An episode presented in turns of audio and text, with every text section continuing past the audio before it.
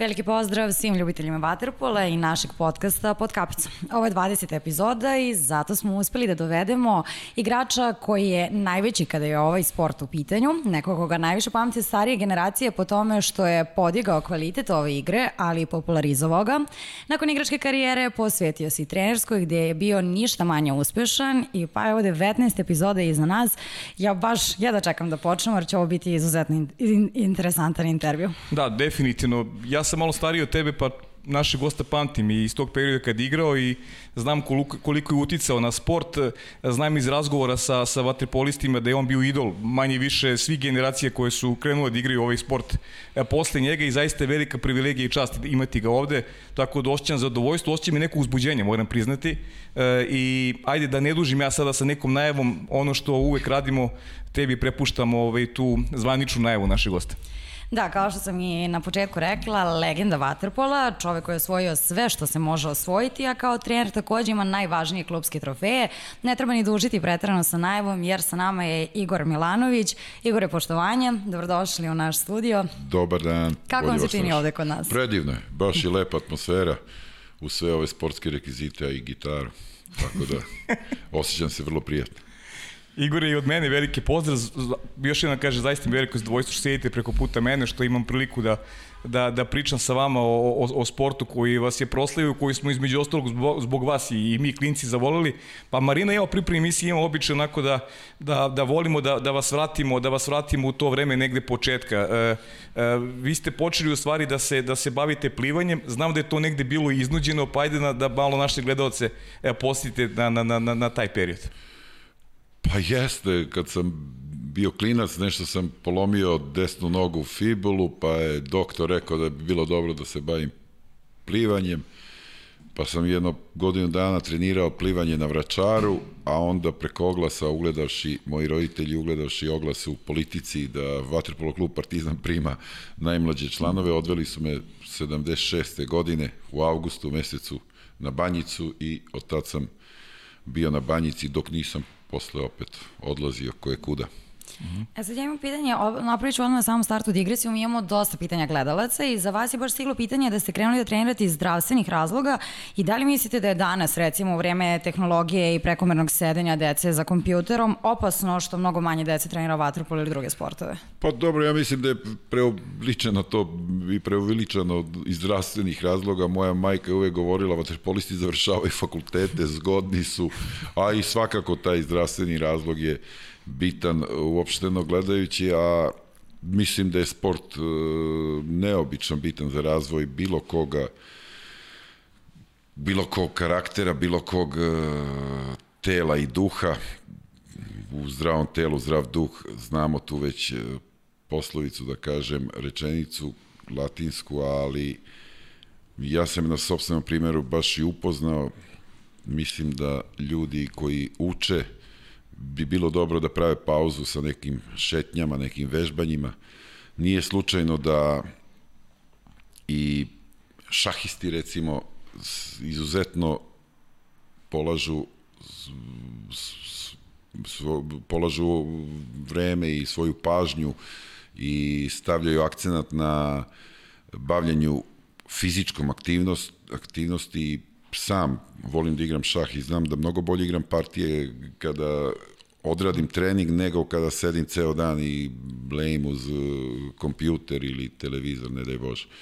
A zaista mislim da je sport uh, izuzetno bitan, iako je on u komercijalizovanju svega ovog i društva i pravljanju društva u taj u stavljanje društva u taj neki potrošački mentalitet izgubio opet neku svoju osnovnu funkciju, jer mi kad kažemo sport, služi da bi čovek bio efikasniji, bolji, zdraviji, bolji čovek.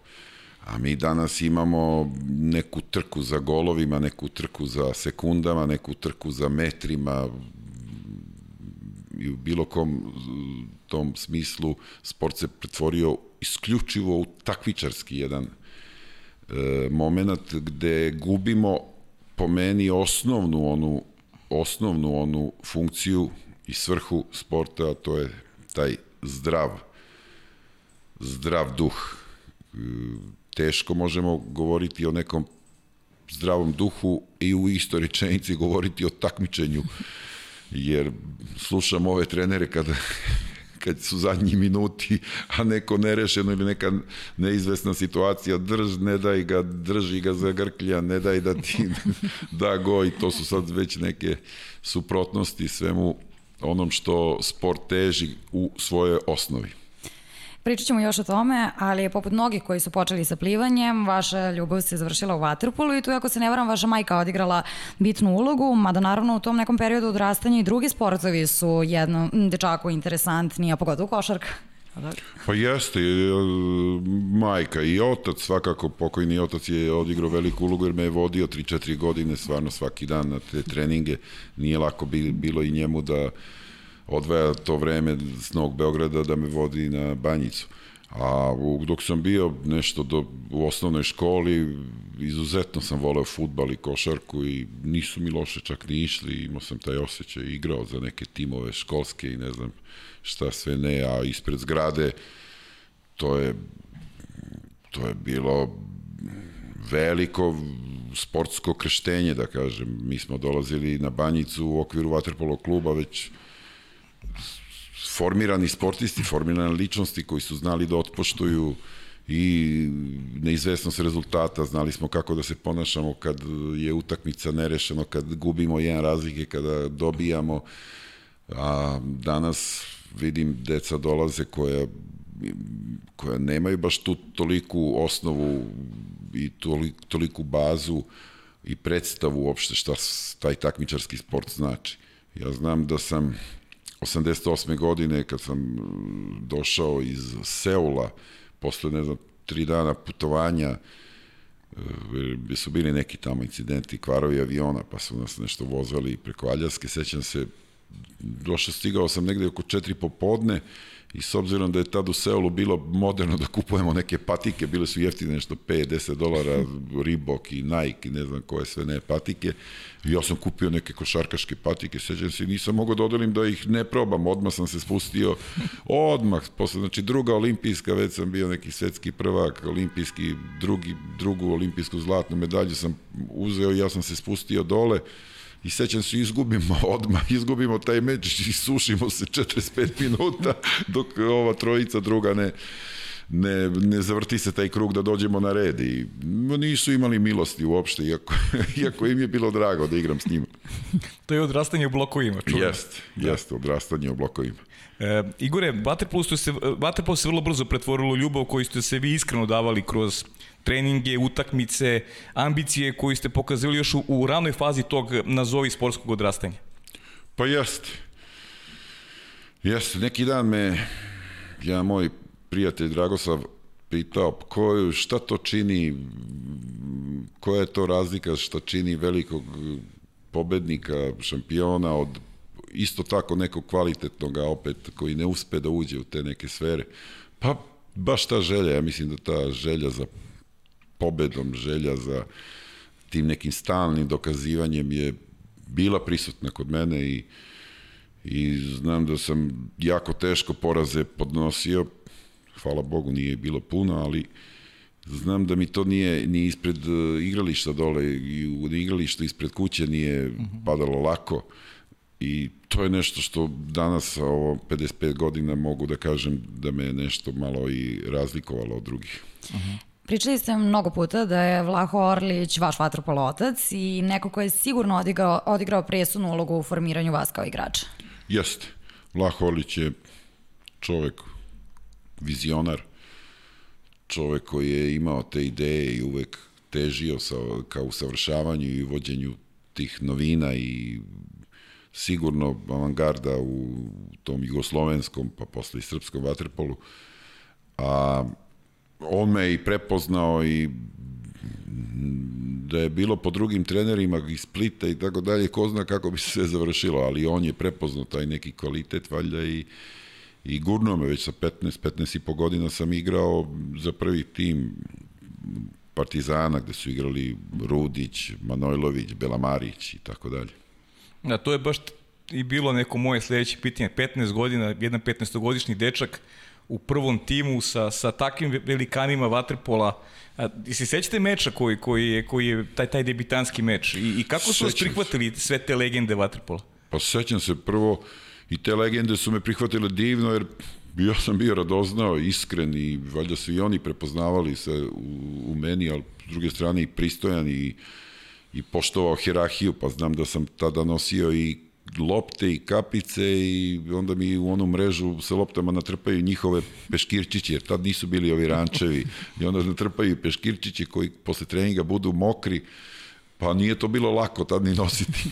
A prva utakmica je bila, to je neverovatno, baš sam se sa sinom velikog Sivoša, seniora, -huh. jednog od najvećih centara svih vremena mađarskih, koji se opraštao na bazenu Komija di Bela, meni je bila prva utakmica jer je igrao OSC protiv Partizana, gde sam ja tad nastupio za Partizan, prvi put uh, taj moj debi u, u, u okviru Vatrepolo kluba Partizan, seniorske ekipe, baš bilo divno, jer posle sam i hvatao tu neku paralelu, veliki centar napušta, ja nešto počinjem i tako. Uh -huh. E sad, kako se odrazilo na školu činjenica da ste rano ušli u te profesionalne vode? Da li su imali razumevanja za vaše odsustva, za treninge dva puta dnevno? Pa ja sam bio i dobar džak. U, u osnovnoj školi odličan, u srednjoj školi uvek neki stabilan, vrlo dobar. U, već u drugom razredu, kad sam počeo da igram tu za seniorsku ekipu, tu prvenstvo stare Jugoslavije koje je bilo dosta naporno, već u prvom do, do duše, sećam se da me jedna Jordanka, matematičarka, koja je bila jako stroga i pitala, ma je li Igore, jer ono tvoje prezime u politici izašlo da igraš za prvi tim Partizana? Kad sam joj rekao, jeste, tačno sam video da sam dobio jedan drugi pristup s njene strane i onako blagonaklono nije gledala uh, e, možda i na nekad kada nisam nešto znao, mada, sam, mada su mi, kažem, predmeti ti pogotovo prirodni išli dosta dobro. Uh -huh. a, a kakvi ste, ste bili nestašni u to vreme kao, kao, kao klinac? E, znam da u vašem treneru, da, da u vašem po, poslu i treneri su to vreme onako e, imali jedan oštar drill i, i trebalo, je, trebalo je proći to, trebalo je izdržati sve te, sve te napore i, i kažem, e, za te pogotovo starije trenere je poznato u to vreme da su baš zagovarali jednu oštu disciplinu. Pa jest, to se podrazumevalo. Mislim da sam bio disciplinovan, znam da me krasio taj neka osobina, nikad nisam izostao s treninga, redko sam bio i bolesan i povređivan, a da izostanem zbog nerazloga nije postojala opcija. Ne bih rekao nestašan, možda sam bio radoznao kao i svi vršnjaci, pa sam voleo i da radim sve što i rade moji vršnjaci, a uspevao sam i da treniram, tako je da bi ja to tako nazvao, radoznao, na primjer, voleo sam i da izađem i da odem i na žurke i na rođendan i u grad, a s druge strane bile su velike obaveze. Znam da sam često bio umoran. a kako pamtite to vreme u Partizanu, pošto bilo je uspešno u rezultatskom smislu? Pa mi smo tad osvajali prvenstva i sećam se 83. na četvrtu smo prva ekipa koja je posle tri godine pobedila neprikosnoven jug iz Dubrovnika, pa smo tada i osvajali prvenstva. Meni je ostaje žal da sa Partizanom kao igrač nisam uspeo da osvojim ligu šampiona. E, to smo posle analizirali i to nam je promaklo nekako, ali prvenstva u Staroj Jugoslaviji smo osvajali kupove i prvenstva, tako da je to bilo, da kažem, na neki način uspešno, ne do kraja, ne do kraja, ne mogu da kažem do kraja, jer mi je ostao žal da sam tek sa mladosti, pa posle i s Katalunijom, Barcelonom osvojio Ligu šampiona kao igrač. Uh -huh. Igor, ako može samo malo mikrofon bliže, e, super. E, mladost, to vreme je za mnoge bilo veliko iznenađenje, taj vaš prelazak iz Beograda u Zagreb, ali u rezultatskom smislu to je bio pun pogodak, dva puta šampioni Evrope. Znam da ste dobili mnogo individualno priznanje, da su tamo i lokalne novine su vas proglašile tri puta za najboljeg sportistu te stare zemlje, stare Jugoslavije. Dakle, zaista ste ostavili jedan neizbrisiv trag igrajući za mladost. Jest, mladost je tad napravila, da kažem, sportskim rečnikom i izuzetan potez kad me dovela u Zagreb.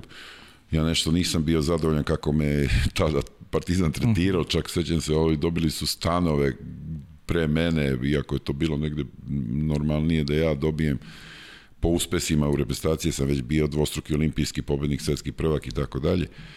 A mladost je dala uslove koje nisu mogli da se odbiju. To je bio veliki stres, sećam se i za mene, a i veliki, da kažem, marketiški potez. Pisalo se nedelju dana na naslovnim stranicama. Ja nisam mogao da živim. Sklanjali su me, sakrivali tamo po Zagrebu. E, jest, to je bilo, meni je bilo opet lepo jer e, svaki prelazak iz jedne sredine u drugu vuče sa sobom novi motiv za dokazivanje. Morao sam opet i u Zagrebu da dokažem ko sam, šta sam.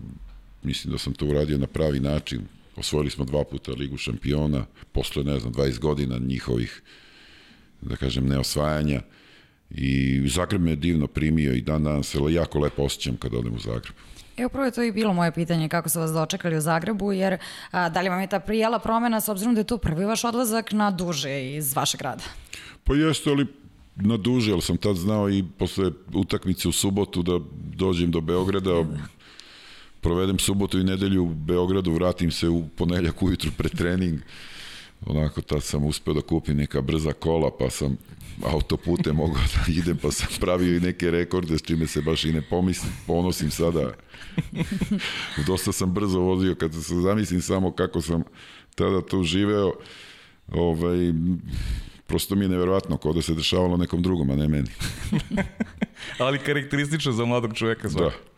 E, stižemo Igore do 1991. godine i tada se, tada se vraćate u Beograd, ali dolazite u Crvenu zvezdu. Kada, kako se to dogodilo? Ko je bio krivac za... za, za pa Vlah Holić ponovo, Vlah Holić i Nikola Stamenić, da kažem, i opet je Zvezda dala izuzetnu ponudu posle dve godine boravka u Zagrebu, a meni Beograd, kao rođenom Beograđanima i otac mi iz Beograda, i Beograd je nedostajao i bio sam sretan kad sam došao u Beograd, pa eto i u Crvenu zvezdu i tada prvi put i sa zvezdom osvajamo prvenstvo u istoriji vaterpolo kluba Crvena zvezda, sećam se i tog play-offa sa Partizanom, tu postigao sam neke mnoge golove i to je bilo zaista veliko i slavlje i veliki uspeh u to vreme. Bio sam sretan kad sam došao u Zvezdu, da. E, to mi zanima. Kakav je bio osjećaj igrati protiv Partizana? Pa ne znam, ja nemam neki specifičan osjećaj kad igram u odnosu na protivnika, uvek gledam tu sebe. Nije mi, nema nikak, nikakve razlike nije bilo da li bio Partizan ili u to vreme eventualno Beče koja je bio isto jaka ekipa. E, meni je bilo bitno da mi pobedimo, da dam sve od sebe, svoj maksimum neki, da se bezrezervno dam timu. Mislim da sam to uspeo i u Zvezdi, tako da eto, bilo je, bilo je zanimljivo, bilo je jako zanimljivo. Jer je i ta utakmica u finalu, propra, te utakmice u stvari dve su propraćene e, bile medijski, jer se već e, videlo da će Zvezda najverovatnije osvojiti, ako su za Partizan igrali, ne znam, Rađenović, Gočanin, Zimonjić, ne znam ko se Tadić, ne znam ko sve nije igrao, Tadić je u stvari branio za nas. Ali ko sve nije igrao za Partizan, Zimonjić, ne znam, Rađenić, Gočanin, ne znam, da li igrao i Kodinović, Savić, ne znam, i ti klinci su igrali tada, Trebojević. I bile su dobre utakmice. Ne znam koliko ste, koliko ste svesni današnje perspektive da je svaki neki vaš potez je pravio veliku propagandu u Waterpolu samom, upravo zbog toga što se pisalo o tome, odlazak u Zagreb, povratak u Crvenu zvezdu. Ja sećam tog perioda, e, nešto sam mlađi od vas, pa pamtim taj period kada su došli u Zvezdu, bili su puni bazeni na, i, i, da. i Tašmajdan i Banjica. Pritom, neko, vi ste, vi ste vukli sa sobom i neku medijsku pažnju, vukli ste i neke ljudi, ja sećam prisustvo Oliver Mandić je dolazi na utakmice, Baby Dole dolazi na utakmice, neki ljudi iz nekog muzičkog sveta, uh, znam da ste vi, da, možda, da ste skromni, ali mnogi su dolazili i zbog vas na, na, na te utakmice, pa i u tu neku ruku se Vaterpolo dobio nekoj vrsti propagande. Jeste, Zvezda je tad učinila jedan bom i Sećam se to, mislim, ja sam se privatno družio sa Oliverom Mandićem, onda je on svratio neki trening, pa je i Oliver i Vlah Holić me pitao, pa ti poznaješ njega, ajde da ga uključimo. I Oliver se bio i uključio tu medijsku malo popularizaciju sporta i učinio puno te godine bilo je jako zanimljivo. Meni je uvek lično više mnogo prijao taj umetnički svet nego neki biznismeni ili ne znam kakvi drugi ljudi bez želje da ikoga omalovažim.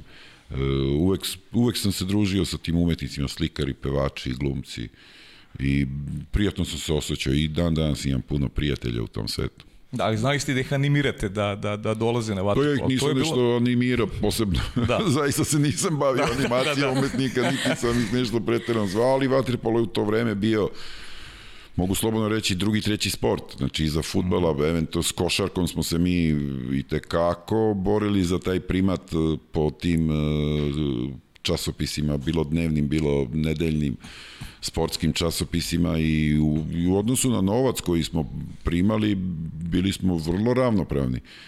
E, televiz, na televiziji smo bili zastupljeni pa bar kao i košarkaši. Mislim da smo u to vreme čak bili ispred odbojkaša i rukometaša.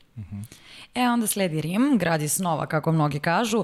Pre nego što krenemo da pričamo o nekim vašim rezultatskim uspesima tamo, mene uvek zanima kako je, kako je bilo živeti u Rimu, kako je izgledao susret uh, Igora Milanovića sa Večnim gradom? Pa Rim je zaista jedan specifičan grad, po meni najlepši grad na svetu i bilo mi je zadovoljstvo da mogu da igram u Rimu, u to vreme mogao sam i da biram gde ću da živim i zato sam i izabrao Rim jer mi je onako zvučalo vrlo egzotično da živim u Rimu dve godine. Do, sećam se od moje kuće do bazena kad prođem, prođem četiri mesta koja su starija od Isusa Hrista, mislim. To mi je sestra moja koja je boravila u Rimu, pa mi je ona, ona pričala. Najlepše šetnje su mi bile od pjace do Navone do Fontane di Trevi. Čovek kad prošeta samo tim uličicama i tim znamenitostima, drugčije se osjeća. A, u to vreme sam bio dosta onako eksplozivan i dosta radoznao i znam da su me posle šest meseci igrači u slačionici pitali jer mogu da uđem u onu diskoteku, sredi mi da uđem u diskoteku, tako da sam im sređivo posle šest meseci da uđu na mesta koje oni nisu do tada ušli ili odlazili. I dan danas me zovu neki sa nekih mesta me zovu jer kad dođe neki Beograđanin, ovaj odmah ba ja znam Igor, ovaj viče, znam ga i ja, onda oni mene zovu telefonom, pa me zovu u dva noću, da mi onako možda malo raspoloženiji obaveste kako su se našli.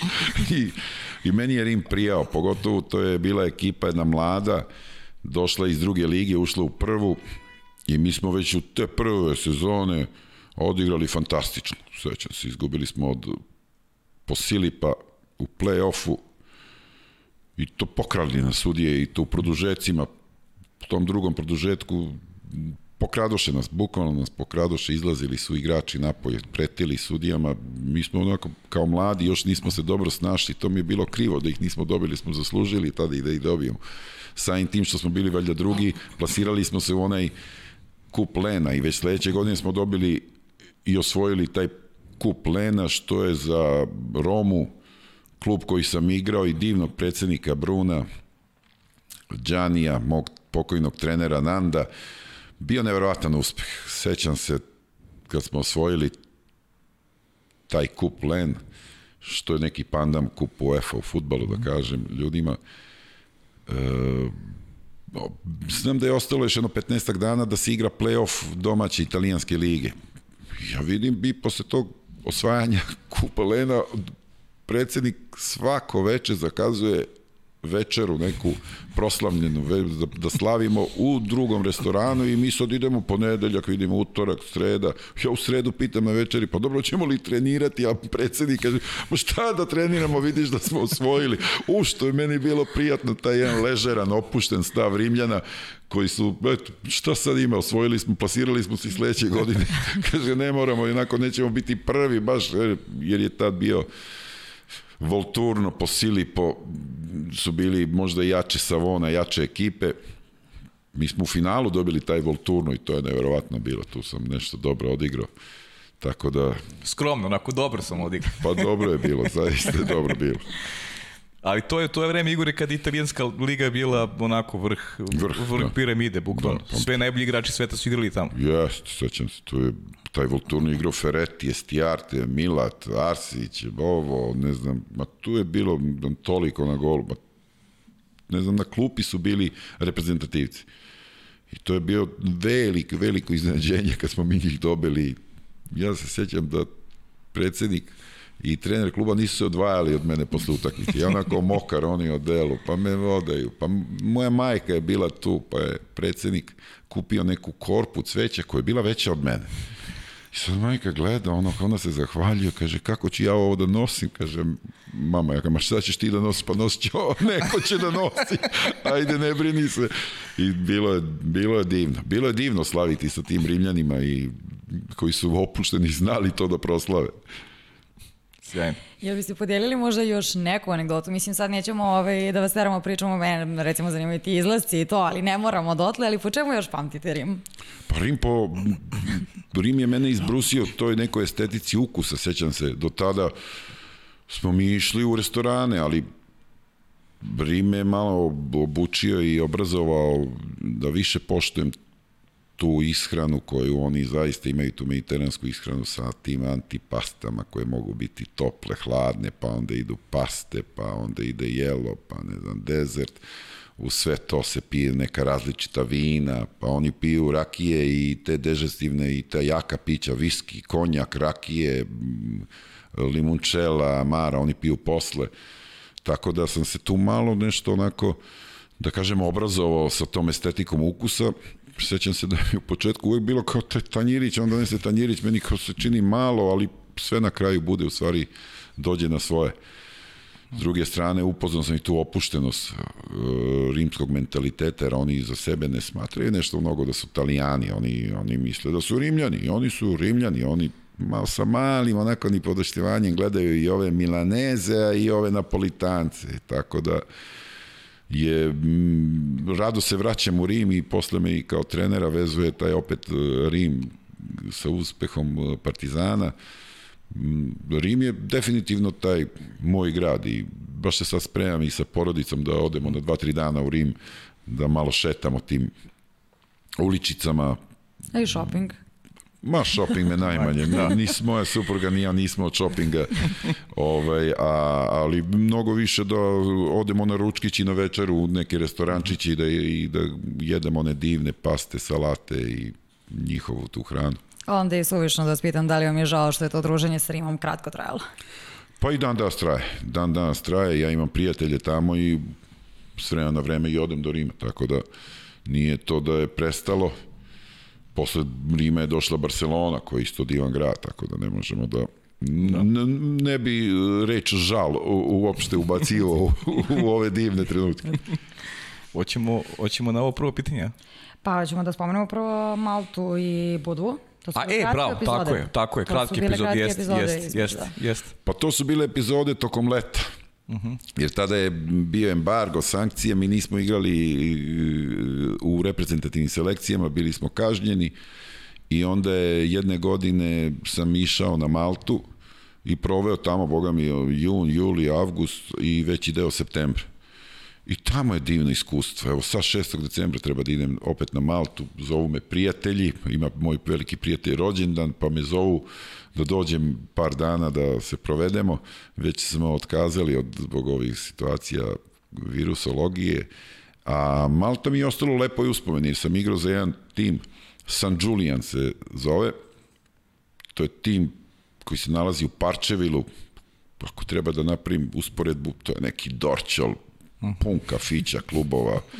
Znam da nisam mogao da spavam do 4 ujutru od muzike, a nije mi se mnogo ni spavalo. Oni su imali trening e, jedan dnevno popodne, tako da sam imao vremena dosta i da se ispavam, odmorim. Znam da sam e, samo inicijativno radio teretanu i suvi trening, pa tek onda odem na bazen da otreniram onda je bila taktika, pošto je dosta nizak nivo bio to vaterpolo, dosta nizak, taj malteški vaterpolo i to prvenstvo, a taj San Julian nije nikad osvojio ništa bio do tada i u finalu smo igrali sa Sljemom, protiv koga je igrao, za koga je igrao Gočani.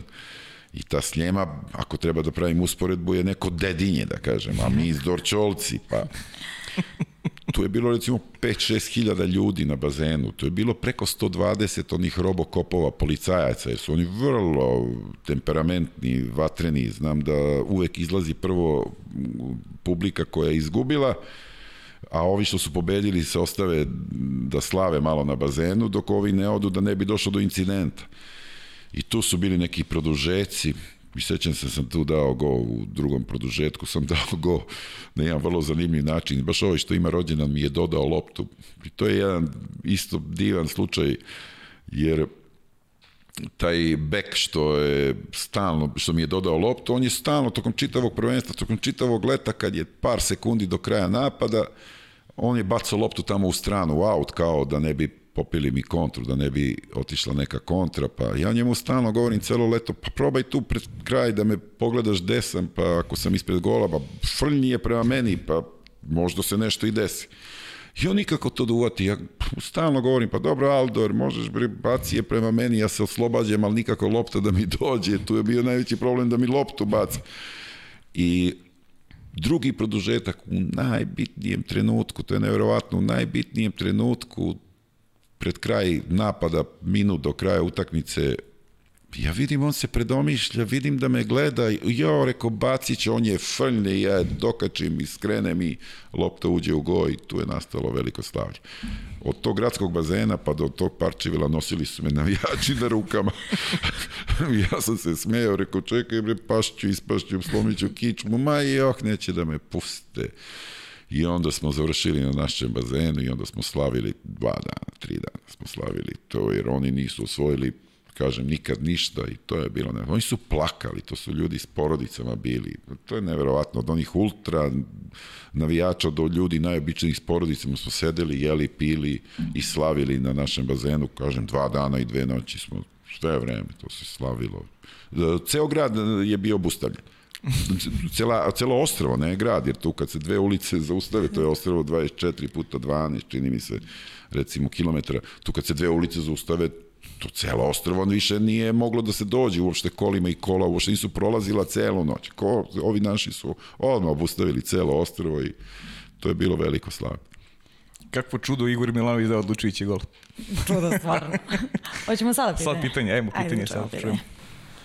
Pa evo, za Igora Milanovića da kažem veliku, Veliki da kažem takvu veličinu našeg sporta, jedno možda malo interesantnije pitanje, ne o, naj, o tim najvećim dostignućima.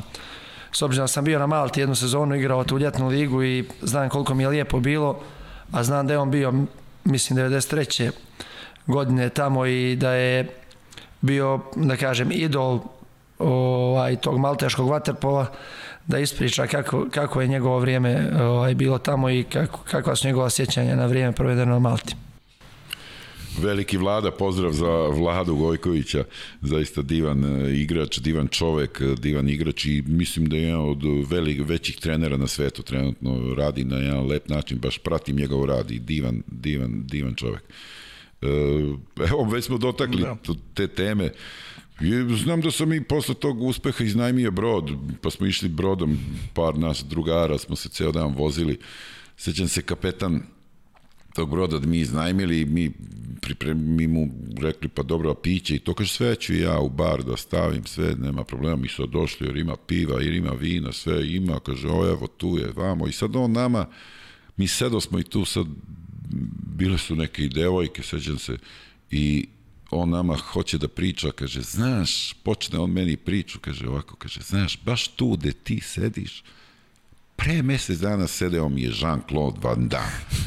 A ja mu kažem, slušaj, bre, nemoj tu priču, aj ti tamo u kabinu, voziš nas tamo, kako smo rekli, a to priču nas ne interesuje, mi smo samo hteli da se zezamo i da se kupamo, pijemo, jedemo i jer smo bili u tom nekom slavlju. I onda je on bio malo pokunjen kad sam mu ja rekao, pusti tu priču, Jean-Claude Van Damme, evo mi te turističke, molim te. Ja, on se pokunio, nije se pojavio, posle ceo dan se nije uopšte pojavio. Meni je bilo lepo i divno na Malti, ostvario sam prijateljstva, odnose divne, volim Maltu, evo, rekoh, ponovit ću, idem ponovo sada 6. decembra, ću otići do Malte,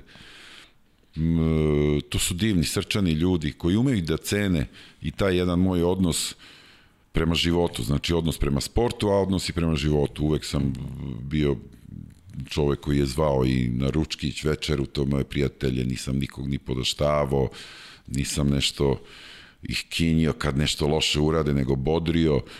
oni su videli taj moj iskren život, a s druge strane sam i tražio i na treningu čak od trenera da bude disciplina, da bude da se zna ko šta radi, da, da bi mogli da opet neki uspeh uradim. Imao sam tu jednu obavezu odgovornosti, jedan osjećaj odgovornosti e, prema onom što radim i nisam se baš lako mirio da odem, da podignem taj novac, a da iza sebe ne ostavim neki trag, bilo u sportskom, bilo u ljudskom smislu. Mislim da sam uspevao u tome.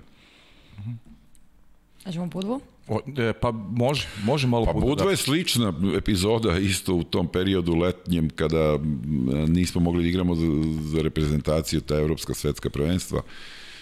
I tada je Vaterpolo Savez Srbije i Crne Gore organizovao letnju ligu, tako da bi reprezentativci i svi igrači koji igraju u inostranstvu mogli da e, igraju za srpske crnogorske klubove. E, Budva je izašla sa konkretnom ponudom. Sećam se da sam tada bio prvi zakupac u istoriji Budve Mogrenske plaže i mislim da sam i tu Budvu i u Budvi pokazao šta znači odgovornost e, prema poslu ili tom radu kojim se baviš, a s druge strane i bio sam dosta radozno i željan opet e, tih izlazaka, jer stalno su, sam bio razapet između reprezentativnih i klubskih obaveza, dva put dnevno trenirati nije baš ni lako s obzirom na karakter koji sam imao e, i, i tamo sam dosta onako da kažem burno i živeo, a s druge strane mislim da način na koji sam odigrao tu sezonu, pogotovo u play-off gde sam ne znam u osam utakmica nisam izašao ni jedan minut e, kao rezerva, nego igrao celu utakmicu i postigao nekih, ne znam koliko golova. Znam da je u finalu bilo 5-6 golova, samo sam dao i to odlučujuće golove kad smo 10-10 igrali, ne znam, 4-5 minuta do kraja, dao sam dva gola za redom. Tu je bilo 5000 ljudi, znam, od starog do mladog, to su ljudi od 70-80 godina bili, pa sećam se i tog jednog sledeći dan nas je na prijem pozvao tada predsednik Milo Đukanović i čekajući ispred tamo ispred te palate gde treba da uđemo prišla mi je baka jedno 80 i nešto godina sa štapom i kaže Milanoviću, baš je bilo ispred onog e, Crna Gora restorana ili hotela Crna Gora, hotel Crna Gora, tačno na početku onog šetališta. I kaže, Milanoviću, oće majka da časti jednu lozu. Ja gledam, evo ja ću, ne, ne, ne, ne, ja da častim lozu, ti, boga mi, igraš dobro, ono. I mi ovako stojeći, ona pozove konobara iz one bašte, dve loze, i mi popijemo loze, ja rekao, majko, ako vi kažete, onda je to tako. I to mi je bilo ostalo i dan danas, sećam se i da je gospodin Đukanović imao baš onako bio sretan i postavio me pored njega nešto kada smo sedeli pa me zapitkivo sve je bilo u redu, sve je bilo okej okay. i znam da nas je poslao privatnim avionom svojim, to je avionom vlade, da nas je poslao u Beograd. Eto. Sjajno. E, onda dolazimo do Katalonije, jedna sezona tamo i ja ću opet da pitam koliko se razlikovao život u odnosu na Rim. Kakav je bio život tamo? Pa život je meni bio isti. Ljudi su drugčije, malo smo drugčije pričali, iako su španski i italijanski dosta slični. To je, to je meni bilo smešno, jer sam odmah uzeo kao učiteljicu ja neku da naučim španski. Sad sam počeo da naučim one osnovne glagole, naučio ja, ti, mi, vi, oni, ovo, ono počeo da ja kao nešto pričam, ali meni sve to bilo slično. I onda, kad god nisam znao špansku reč, ja upotrebim italijansko, a kako španci meni ne ispravljaju jer i oni razumeju šta im kažem, niko me ne ispravlja. Što sam ja onako mislio već posle jedno tri meseca kako ja pričam dobro španski, kako me ide ovaj španski, ja sve nešto pričam o stvari, tek posle šest meseci kad sam malo uvatio zaista španski sam vidio da ja uopšte ne pričam dobro španski, da sam ja pričao neki indijansko, italijansko, španski, je, španskim jezikom, gde me niko nije ispravljao, su me razumeli, valjda iz pristojnosti, a tamo smo se lepo družili sa velikim, velikim, velikim Roljanom, pokojnim Roljanom, koji, s kojim sam imao veliko prijateljstvo, I taj njihov život i odnos prema noćnom životu je za mene bio frapirajući. Oni su gori od nas. Sećam se, na, zakazujemo večeru, kaže, vidimo se na večeri, kaže, u pola 12 u restoranu Tibet. Kaže, kako pola 12, što nije kasno, malo rekao, dobro, što se pratim ja, nema problema, vidimo se, mi se vidimo u pola 12, mi do pola 2, 2 večeramo, pijemo vino. Onda kaže, idemo sad u kafić, mi kafić, on, tamo, milioni ljudi ispred kafića, mi se zezamo, kao što pijemo džuskamo. Kaže, četiri ujutru idemo sad u diskoteku. Kako pri u diskoteku u četiri ujutru? Pa kaže, sad ćeš da vidiš, mi dođemo, sećam se, fibra optika se zvala. Mi dođemo tamo, ono, 500 ljudi ispred ne može da uđe. A diskoteka na pet spratova, četiri, ne znam, jedan blues, rock and roll, drugi bilijar sala, treća tehno, četvrta disco, ne znam, gledam šta je ovo, ovi su luđi od nas. U šest smo išli na neko deseto mesto opet. Malo prljavije, sećam se. Ali oni u šest imaju mesto gde se ide u šest ujutru, mislim, neverovatno.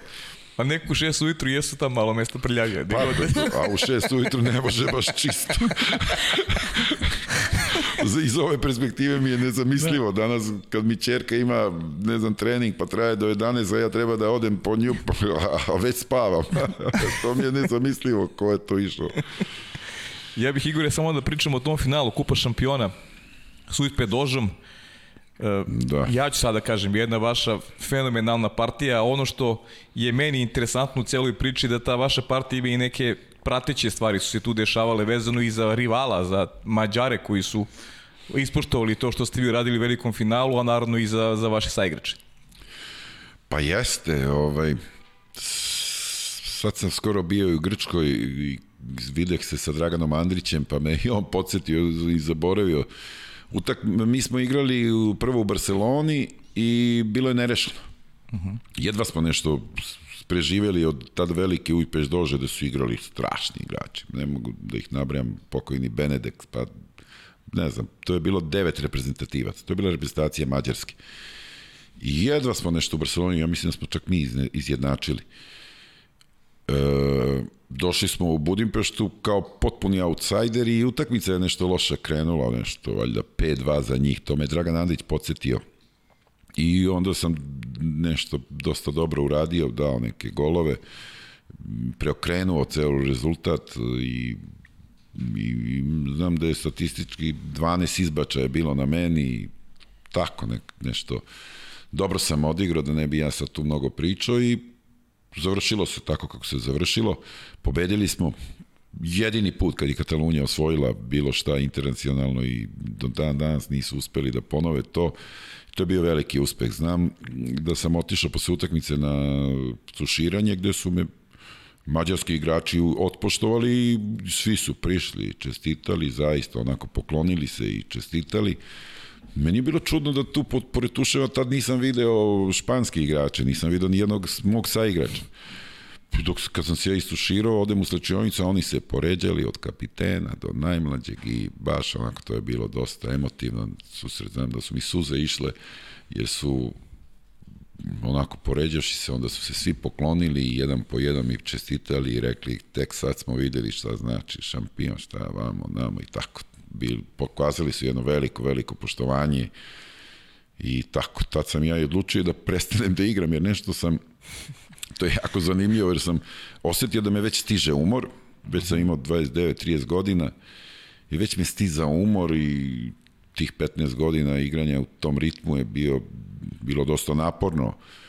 E, znam da sam gubio po 3 kg za utakmicu i nije mi to prijalo i nešto sam onako fizički sam osjećao da više ne idem sa tom radošću i na treninge i tad sam odlučio da prestanem da igram, a bili su Dragan Andrić trener i Gočani isto kao drugi stranac.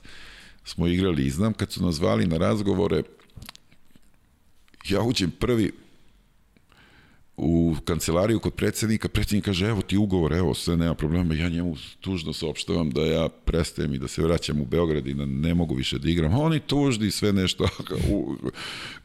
ja izlazim iz kancelarije, pitaju me šta je bilo, pa ja kažem ponudili ugovor, ja oni su znali da ja ne želim više da igram i ja kažem, ja sam ih odbio, a oni su ušli, njima su, njima nisu ponudili ugovor i onda smo, sećam se, otišli na neko piće, oni bili tužni što im oni nisu ponudili ugovor, ja rekao, meni ponudili koji nije želeo.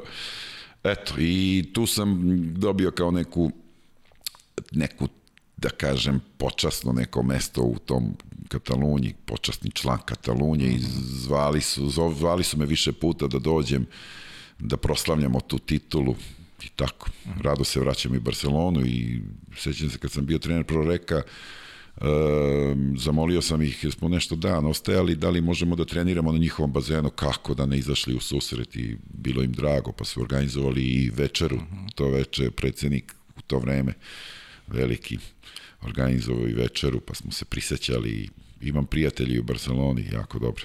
A kako je bilo na, u Barceloni na proslavi 20, 25. godišnjica od osvajanja trofeja? Pa ja nisam bio. A nisi bio? Nisam bio, e, poslali su mi sliku, jer ne, imao sam neke obaveze, ne znam šta je bilo, nisam bio ni u Beogradu, znam da nisam jednostavno mogao da dođem. Znam uh -huh. da, da nije i to je bilo krivo, oni su sve to organizovali i hteli, da, ali znam da je bilo nešto, tad sam bio trener, pa ni, imali smo neku utakmicu, znam da nije, išlo mi se jako, ali nisam bio stanj. E, pričali smo o ovom kraju karijere, objasnili ste zbog čega, zbog čega ste odlučili, ali povratak u, u matični partizan se, se, se dogodio yes. nakon, nakon, nakon Barcelone tada predsednik e, Vraneš i direktor Avramović su me pozvali da se priključim mhm. -huh. Partizanu i ja tad de facto počinjem da od 95. 6. počinjem da da, da učim kako se vodi jedan klub kao neki sportski direktor i tako dalje. Počinjem da budem deo uh, vaterpolo kluba Partizan, ali sa one druge strane, ne kao igrač, nego uh, kao neki funkcioner, da kažem. Znate šta me zanima? Sad slušam, slušam priču i ovako upoznajemo, upoznajemo Igora Milanovića, 29-30 godina osvojena titula prvaka Evrope na jedan dominantan način, priznajete sebi da je došlo do zasićenja, ali neko drugi na mesto Igora Milanovića bi se šlepao na račun ranijih uspeha i, i, i mogao da živi vrlo lepo od, od, od onoga što, je, što da je bila prošlost.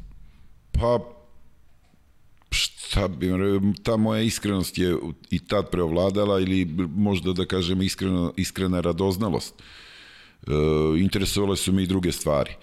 A šlepovanje, to je dobra reč, jer je često koristim te neke izraze i tako i delim ljude koji su sportu nešto dali i učinili da taj sport bude malo drugačiji, da ne kažem bolji, Vi imate puno, puno veliki, veliki, preko 90% ljudi, bilo trenera, bilo igrača, bilo funkcionera, koji se šlepuju i koji grabe od tog sporta na neki način koji vide to malo drugačije.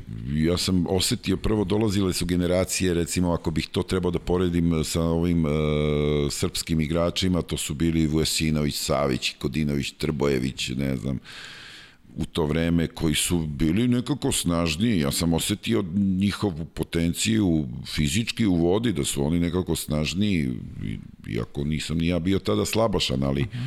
sam osetio nek, neku drugčijost, osetio sam neku težinu, a s druge strane psihički mislim da ta jedna karijera, ako uzmete da vi igrate od, ne znam, 18. 20. godine, 15. godina, ja sam igrao od 15. tih 15. godina, došao do tog jednog zasićenja, tad sam neke radnje otvarao tu nešto, nek, bavio se nekim kao poslom, pa neku firmu, pa sam brzo to i napustio jer sam video da ne pripadam tom svetu, pa sam eto, otišao posle u te sportske vode. Materijalno sam bio na neki način situiran, iako daleko od toga da sam živim nešto raskošno, ali materijalno na jednom skromnom osnovom, osnovim, osnovama sam situiran, da kažem. Uh -huh. E, onda dolazimo do reprezentacije, da malo pričamo o tome. Ostaće upamćeno 349 utakmica, 540 golova. Sećate li se debija za državni tim? Da.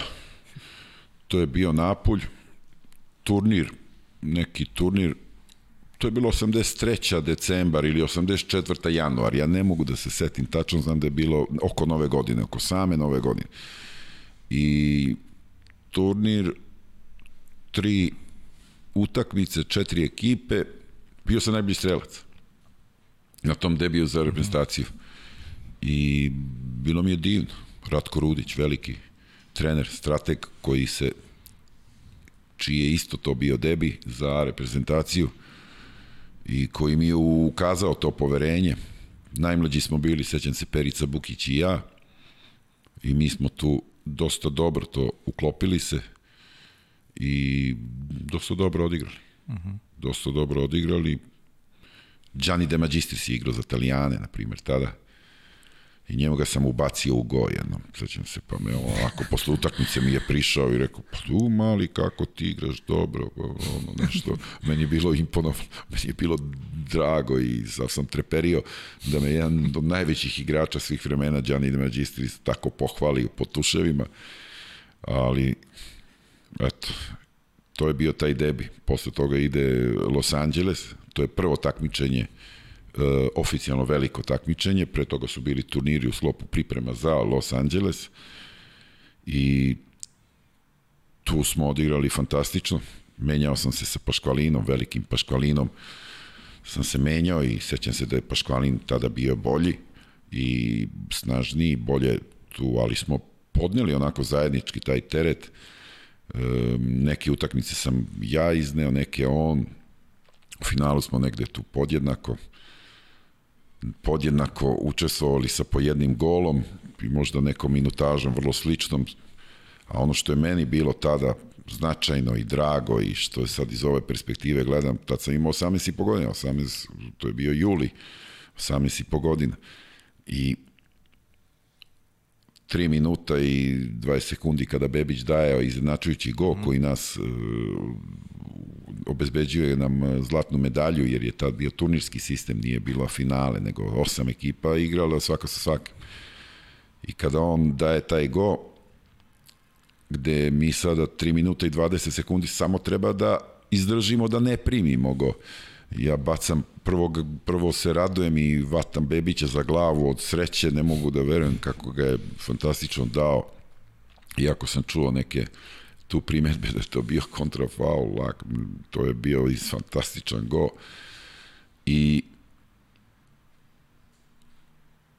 gledam podozrivo gledam krajičkom oka da li će Ratko Rudić da me sad zameni, jer je bilo logično čak da me zameni, jer sam igrao 3-4 minute, sam igrao i sad je vreme na Paškvalina da kako se centri obično i menjaju, svako po 3-4 minute igraju, ako je četvrtina 8 minuta, normalno je da je i jednu polovinu četvrtine igra jedan, drugu drugi. I gledam Ratka Rudića, da li će da me promeni, on ništa.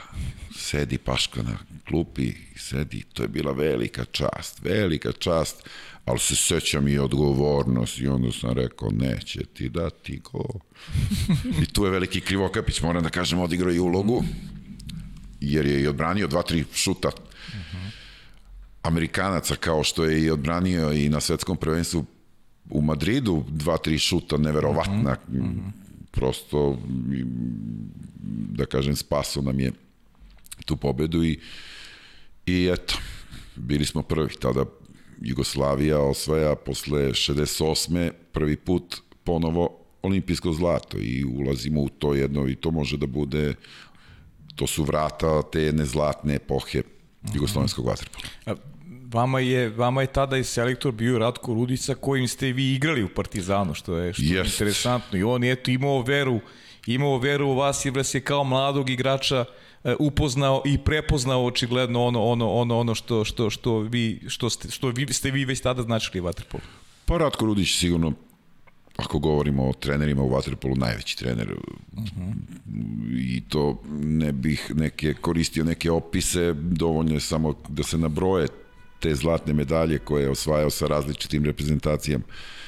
E, Bratko Rudić je tačno te godine kad sam ja debitovao za VK Partizan počeo tu sezonu i mi smo nekih šest meseci igrali zajedno, ali onda je on prekinuo i počeo da trenira juniore Partizana i pošto sam pripadao sa 15 godina i, i juniorima i kadetima, i on me vodio juniorima, pa on je tada bio, Ratko je bio i trener juniorske reprezentacije Jugoslavije, gde me je vodio od 82. do te četvrte, kada debitujem zajedno sa njim u seniorskoj selekciji i već je to poverenje bilo ukazano koje se nikad nije prekinulo. I dan dan znam da imamo da smo povezani nekim specifičnim odnosom malo drugačijim nego što imaju drugi igrači i treneri. Nikad nismo zloupotrebili iskoristili koristili. Dan dan se rado vidimo odemo na neki ručak večeru Super. Kad pričamo o Americi, znam priču da ste spavali na UCLA univerzitetu, da vam se svidela Amerika i da ste čak od Rudića i tražili dozvolu da posjetite neki koncert. Pa jeste, mi smo spavali na UCLA-u, to je bilo olimpijsko selo. I ta UCLA je univerzitetski grad, maltene, to je pun sportskih borilišta, atletske, stadiona, bazena, da ne govorim teretana i svega tih stvari. I tu smo se družili, kretali, šetali, sećam se, baš sam tad čitao i California Blues od Mike Oklopčića, koji mi je onako doprineo da još više gledam Los Angeles i Kaliforniju sa njegovim vratolomijama, šta je radio po Kaliforniji drugčije. I sve mi je bilo zanimljivo, možete misliti 18 godina, prvi put u Americi Los Angeles, koji je bio i drugčiji Los Angeles, evo sad sam bio s porodicom u januaru, kod mojih kumova divnih kurajica u Los Angeles i odlazim tamo svake druge godine, odem na 20 30 dana da, da se malo provedemo i tu tu smo u shopping nekoj, Aha, da, da kažemo, tu odradimo shopping. A m, pošto je svako veče su bile neke, da kažem, kulturno-zabavne manifestacije i neki programi. I jedno veče su dolazili Beach Boys. Uh -huh. I sad ja kažem Ratko Rudiću, pa, Ratko, on, on baš zakaže trening, nešto tu, tada, od na UCLA na bazenu, na totalno drugom kraju, na totalno drugi kraj tog sela, da kažem, recimo 5 km dalje. I tačno u to vreme, kažem, pa Ratko, mogu ja da ne dođem? On se namrštio onako, kako, bre, kako misliš da ne dođeš? Kako, šta ti to, mislim, to je, uopšte pitanje nije uputno, to se ne pita. Kako misliš da ne dođeš? Pije neko Ratko Beach Boys, ili tamo, kad ja imam priliku da vidim Beach Boys, on se onako nasmeo. Ja mislim da je promenio nešto pola sata trening, stavio ranije, pa me pustio, pa sam stvarno me pustio da odem, kaže, idi gledaj te Beach Boys, jer je i Ratko veliki umetnik, on inače se bavi slikarstvom, A, to on slika predivno i slikarstvom se bavi i ima sluha. I on je shvatao, on je potpuno mene razumeo i to je taj bio neki specifičniji odnos, jer on je razumeo tu moju želju da odem da pogledam Beach Boys-e Surfing USA, da čujem uživo, ljudi moji. ja, kad smo kod muzike, ja se izvinjavam, a, sad sam upravo i dobila pitanje, svirate gitaru?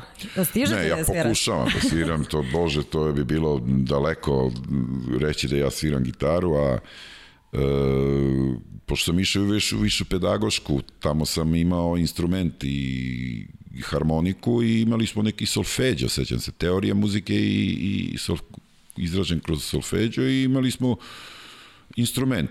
Birali smo između klavira i harmonike. Ja sam izabrao harmoniku jer je komšija imao harmoniku pa nisam morao da kupujem, a klavir tada u to vreme na Novom Beogradu nisam imao. I izabrao sam i harmoniku i tu sam upoznao te osnove muzike, znam da razlikujem, mislim, mol, dur, skale, znam. Mada sećam se i pre toga sam se ložio na gitaru, uh, I s obzirom na prirodu, tu neku moju prirodu koja je više matematička, egzaktna, više sklonija brojevima nego možda sluhu i uhu, ja sam shvatio da ima 12 osnovnih tonova i da prvi je najdublji, a da je 12 naj, najviši. I kad sam tu shvatio da mogu i tonove da gledam kao brojeve, onda sam počeo da ulazim u muziku. Volim blues, nešto pokušavam i džez, E u poslednje vreme neku bi ploču od klasike pustim koja mi prija. Eto, tu se negde zadržavam. Uzmem ponekad i gitaru, nešto malo da odsviram, ali to je pokušaj. Pustim neki bluz i onda drndam uz bluz. Ima sad i raznih programa, pa čovek može da, da uživa i sam sa gitarom. Nisi bila tu kad smo ušli. Prvo je pitanje bilo čija je gitara. Gitara, e, A, da. Da.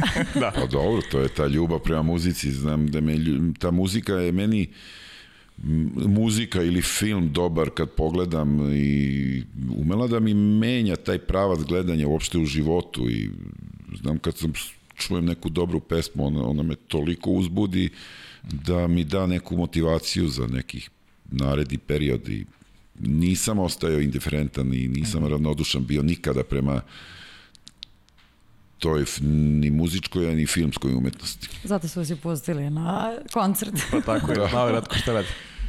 E, ali kad smo već kod Los Angeles, Igore, mogli ste promeniti život. E, Imali ste ponude i sa koleđa da se da da ostanete u Americi. Mo, mo, mo- možda bi ma- možda bi majka više volila da se to da se to i dogodilo. Da, možda bi majka jer su i govorila stalno, oni završavaju fakulteta, ja nisam završio fakultet.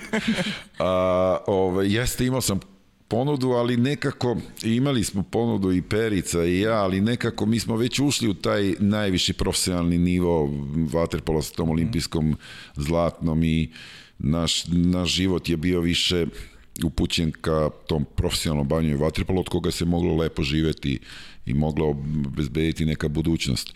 U koleđ su obično odlazili igrači koji ne uspeju da uđu u, u reprezentaciju i to je ta razlika. Imao sam ponudu, dve, tri godine su me zvali tamo da, kao da, da idemo, onda meni je bilo nejasno, on mene zove, kaže, bit će ti plaćen e, stan, kaže, to, to jest u tom okviru tog univerziteta neka soba i, i kaže, imat ćeš treninge, imat ćeš plaćenu školarinu kaže, ako budeš teo i džeparac, namestit ćemo ti da pereš prozore i tako dalje, što je meni bilo neverovatno to vreme, a mene ovde traži, ne znam, mlada, traži, imam u to vreme sofka stara,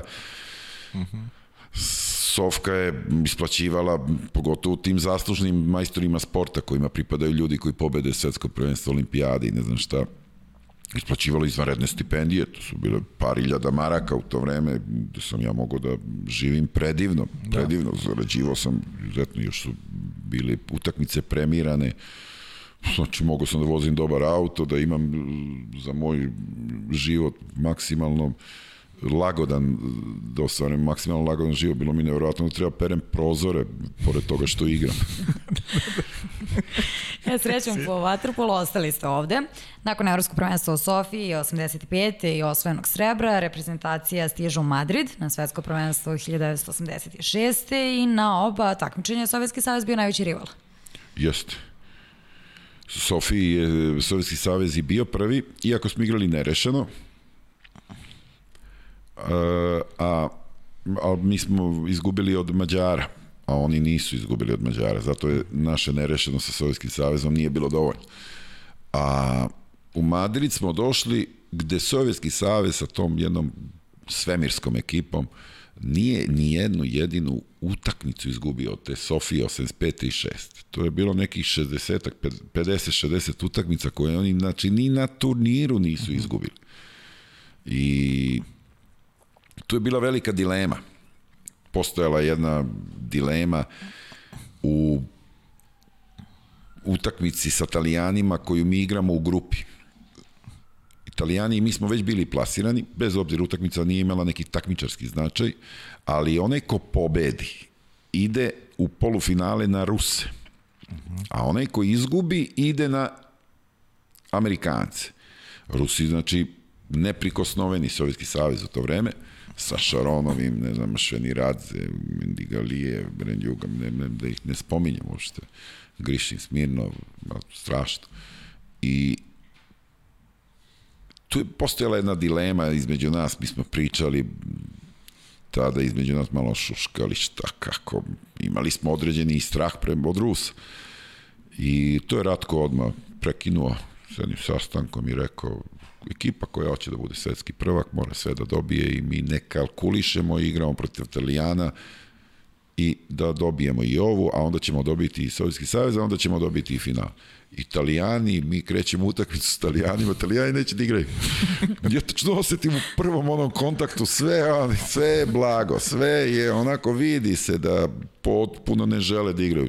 Sa nekom velikom lakoćom smo ih dobili, ne znam, 7-4, ne, ne, ne znam tačno, ali mi, ni mi ni tad nismo igrali jer smo stalno vodili dve, dva, tri razlik, mm -hmm. razlike i štedeli se. Tad je bila tad nisu bile one pauze kao sad što ima pauze, tad su bili utakmice dan za dan.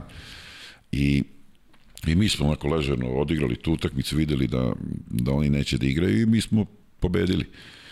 Pa ih je Bog posle kazni u finalu. Oni su dobili Amerikance, onda smo igrali to čuveno finale koje je čuveno zbog toga što se tada prvi i jedini put igralo osam produžetaka. Završila se utakmica nerešeno i dva put, dva produžetka, četiri, šest, pa osam, osam produžetaka se igralo. S obzirom da su i Rusi i Amerikanci pre toga igrali produžetke, naša utakmica je kasnila. Uh -huh. S obzirom da je bilo osam produžetaka, to je kao nova utakmica. Da. Kad uzmemo još pauze između i tako dalje, mi smo na postolje negde popeli se oko ponoći. To iz sela Jugoslavija pamti, i dan danas od Slovenije do Makedonije, ako naiđem, ima ljudi, bar to moje godište, 10-15 godina mlađi i 10-15 godina stariji, svi to pamte, svi, se, svi su se radovali, svi su znali gde su bili tada i tako.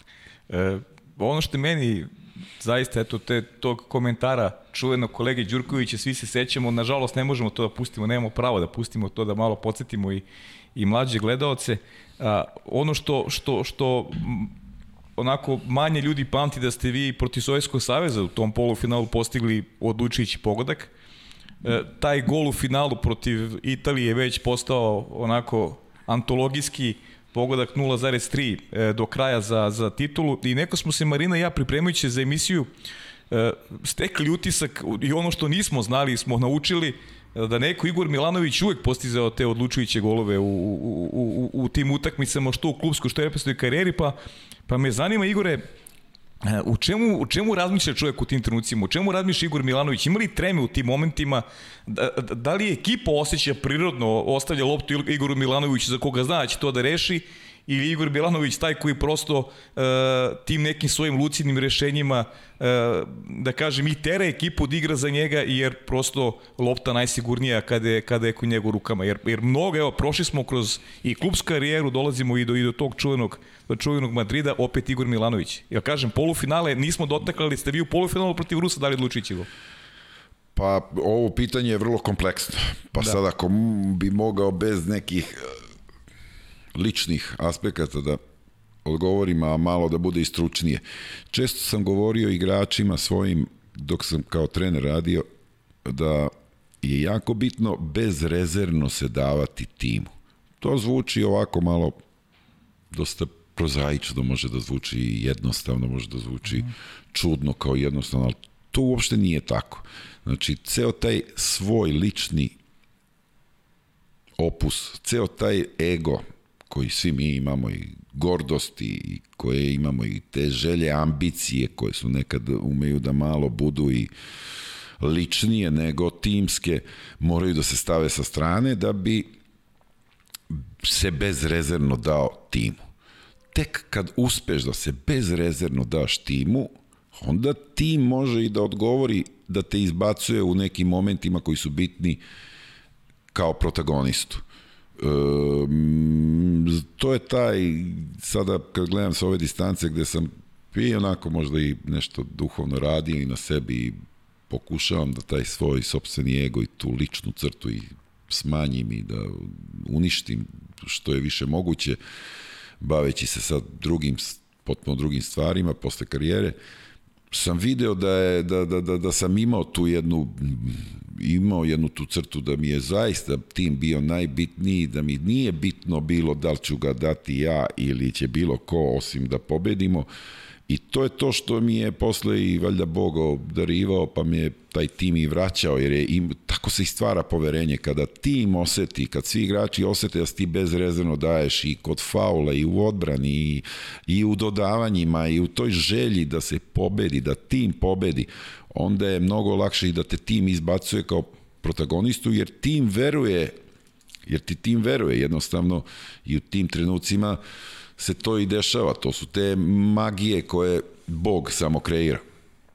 E, s druge strane, znam da mi je uvek bilo mnogo lakše i najlakše mi je bilo i najviše sam voleo te zadnje minute utakmica, pogotovo još ako je neizvesno, jer tad nekako je bilo i najlakše i postignuti go, obično su odbrambeni igrači bili dosta opterećeni, tad su imali veliku odgovornost čuvati me, ne znam, nije mi bilo baš mnogo lako, je tad ako razumeš igru i ako shvataš kako to sve funkcioniše, onda je bilo najlakše i, i osloboditi se, prodati neku fintu, uraditi nešto što najbolje znaš i uraditi nešto na jednostav, najjednostavniji način.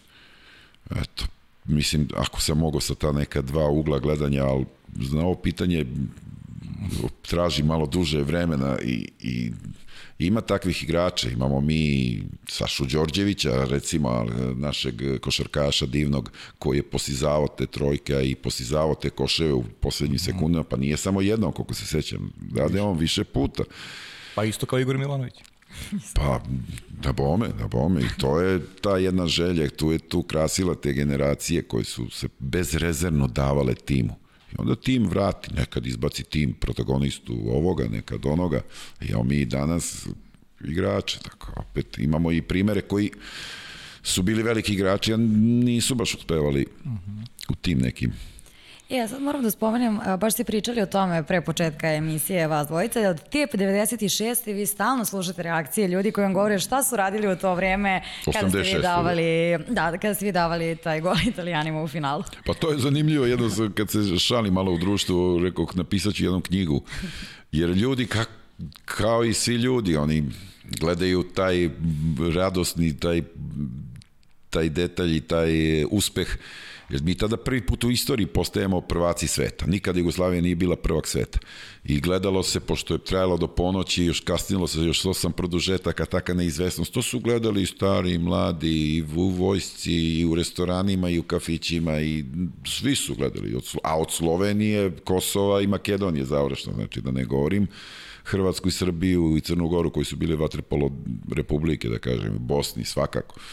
I i ovaj, pošto me po tom golu najviše ljudi prepoznaju, pogotovo u to vreme, u to vreme počinje to, ta neka svemirska slava, a po tom golu su me prepoznavali ljudi i svima je drago da mi priđu i da kažu kako si ga dao svaka ti čas, e, a ja bio ispred televizora slomili televizor, skočio na luster, ovaj u vojsci bio, ovaj se napio, ovoga, ovo, ovo, ono, pa ovi, i onda svi pričaju prvu rečenicu, idi kako si ga dao, brate moj, kako si ga dao, a onda počaju da pričaju o sebi.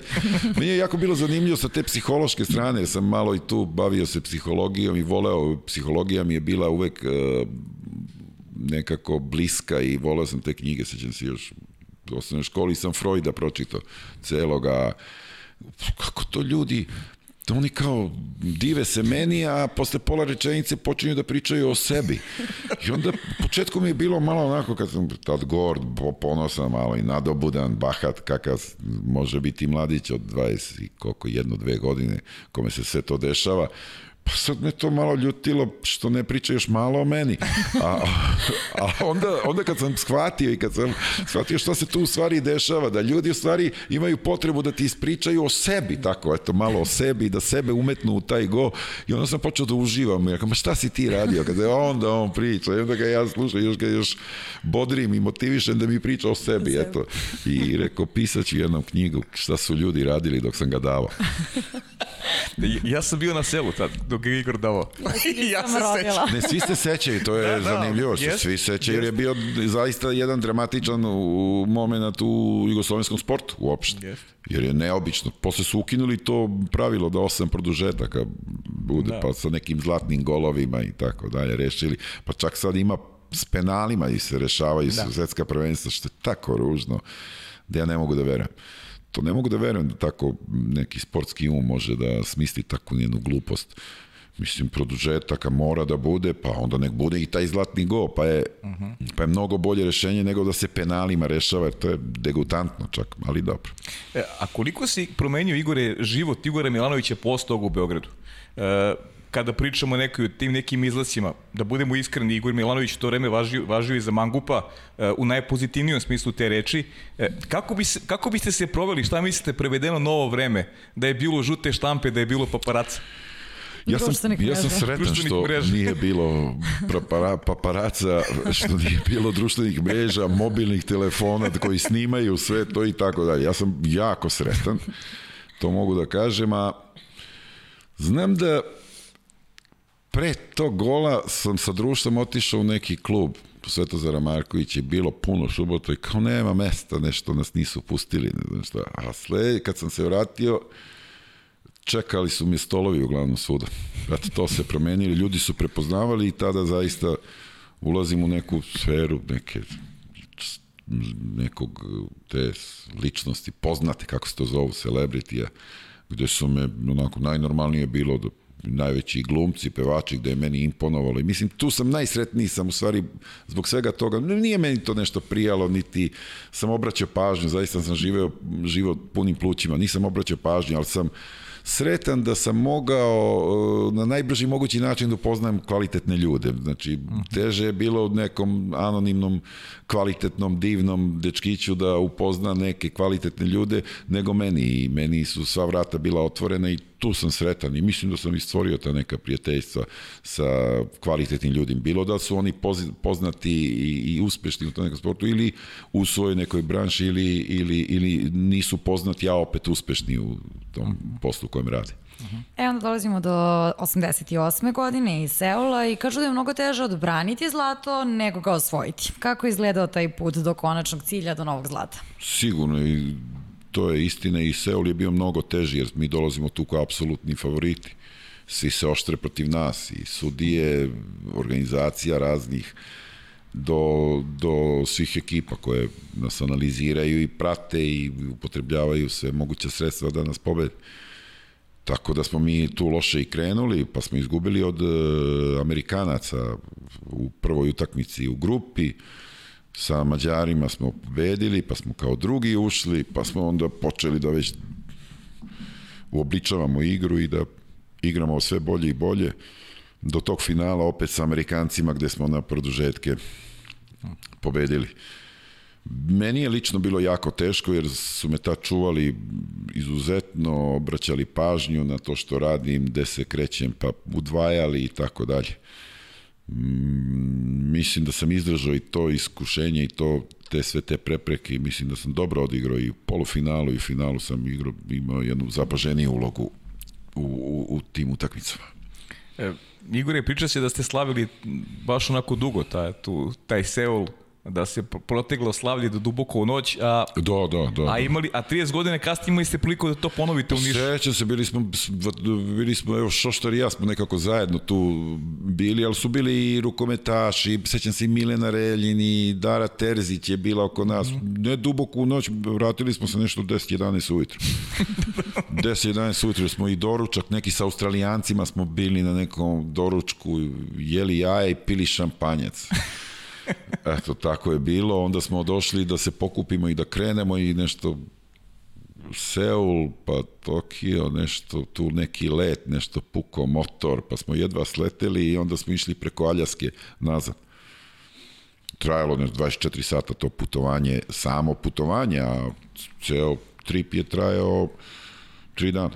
3 dana. A Niš 30 godina kasnije? Šta? Niš 30 godina kasnije. Šta Niš? Nisam... Pa, isti bi, u, tri, e, proslava što je Savez organizovao. A, da, bio... Niš, tačno, izvinjavam da. se, da, kako da ne, ov, oproste, bilo je proslave i u Zagrebu i u Nišu, tačno, uh mhm. -huh. i ovde u Beogradu, čak sad više ne mogu da uvatim da li je Los Angeles, da. Seul, izvinjavam se.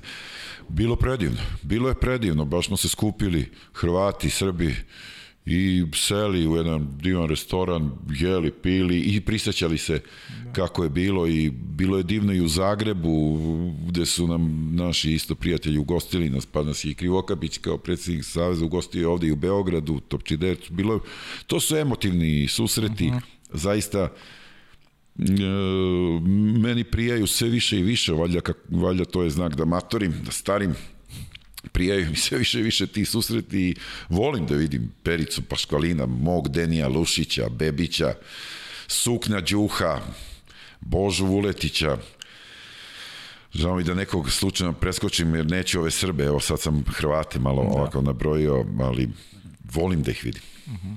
E, onda idemo u sjajnu 1991. godinu, zlato na svetskom prvenstvu u Pertu i onda Atina evropsko prvenstvo, trofej koji vam je nedostajao, osvojen je u specifičnim okolnostima, ako se ne varam, pričali smo o tome koliko ste golova dali, ali ovde ste dva i odbranili. Da, vidite, dobro ste spremni. Hvala vam na ovoj spremi. Jeste, ponosan sam na ta dva gola, jer to je bilo zaista divna utakmica gde sam igrao skoro četiri četvrtine, tri i po četvrtine. I opet sam nekom trenutku, valjda kad su oni vodili 3-1, postigao 2-3 gola, ne znam kako je to bilo, dao sam jedan sa 9 metara Roljanu, divan pod prečke. I bilo je tu lepih golova koje sam dao, ali znam tačno dva gola koje sam odbranio i taj jedan Miki Oka, veliki igrač sa leve strane koji je pucao, a ja sam ga dobro poznao, tad smo zaista bili psihofizički spremni i i treneri kao poput Ratka Rudića i tada ko Nikola Stamenića, jednog sigurno najvećih trenera, sigurno sveta, svih vremena, ništa nije prepuštao slučaju, pa smo dobro analizirali igrače i tačno znam kako je taj igrač hteo da šutne i tačno znam kad je, kad je hteo da ispusti loptu i viknuo sam golman pusti, ja ću dijagonalu, a ti drži bliži. I, i ja sam bezobrazno onako mu pustio i postavio ruku kao da je ona loše stoji čekajući taj šut i izvukom mu iz dijagonale. I posle toga još jednom ovom Gomesu sam. Ne Gomez, nego Garci, Garci isto odbranio, isto sam ga tako navukao I to već smo se videli u diskoteci, slaveći nekoj Mercedes diskoteka, sećam se, na plaži. I, ovaj, i oni dvojica mi dobro kako si nam ono izvuk, onu loptu, Harko, i znam ja šta ćete vi da uradite. Kaže, dobro što si nam dao na golo, kako si ono nas ne... Pa, baš sam bio ponosan na ta dva odbranjena šuta i možda kad bi gledao, kad bi analizirao učinak svoj na jednoj utakmici. To je možda bilo najzrelija utakmica koju sam odigrao, bez obzira na golove, ali to toliko izbača, toliko dodatih lopti, toliko, pa je, tu je Uskoković dao golove, pa me Stamenić tad prebacivao sa igrača više na, sa pozicije 4 na 3, baš da bi mogli da otvorimo velikog Vičevića i, i Uskokovića koji su tada počeli da dominiraju jer su mene napadali na 8-9 metara, tako da je prednost igrača više sa 6 na 5 prelazila na 5 na 4, što je mnogo lakše nego 6 na 5 i tako dalje. E, to je specifično takmičenje bila ta Tina zbog toga što hrvatskih igrača nije bilo, ali zanima me još jedna stvar. Zvano smo mnogo radili na pripremi gospođice sa leve strane ja. Evo meni stižu pitanja sve vreme. Ona samo zato da gleda, non stop stižu pitanja, za, nikad više pitanja nije bilo nego, nego za ovo gostovanje. E, Mene zanima ta parabola u Pertu. I, i, i Da, reakcija da, Nikole je- Staminića, a to Atina, to Atina, znači to je broj golova, broj isključenja na vama, to je zaista, zaista bilo fascinantno. Prepostavljam da taj odlazak Hrvata neko je i taj činjenici niste imali zlato evropsko od tada, negde vas i više motivisao da, da povučete ekipu. Pa to više ili manje, ja mislim da kad je igrač eh, psihofizički spreman, on, on, on, on je uvek najviše motivisan. Uh -huh. Tu ne može mene da više motiviše to što nam fale Šimenc, Bukić i ne znam ko još to. Uh, ali o, svi su nas nešto sažaljevali u, u toj Atini.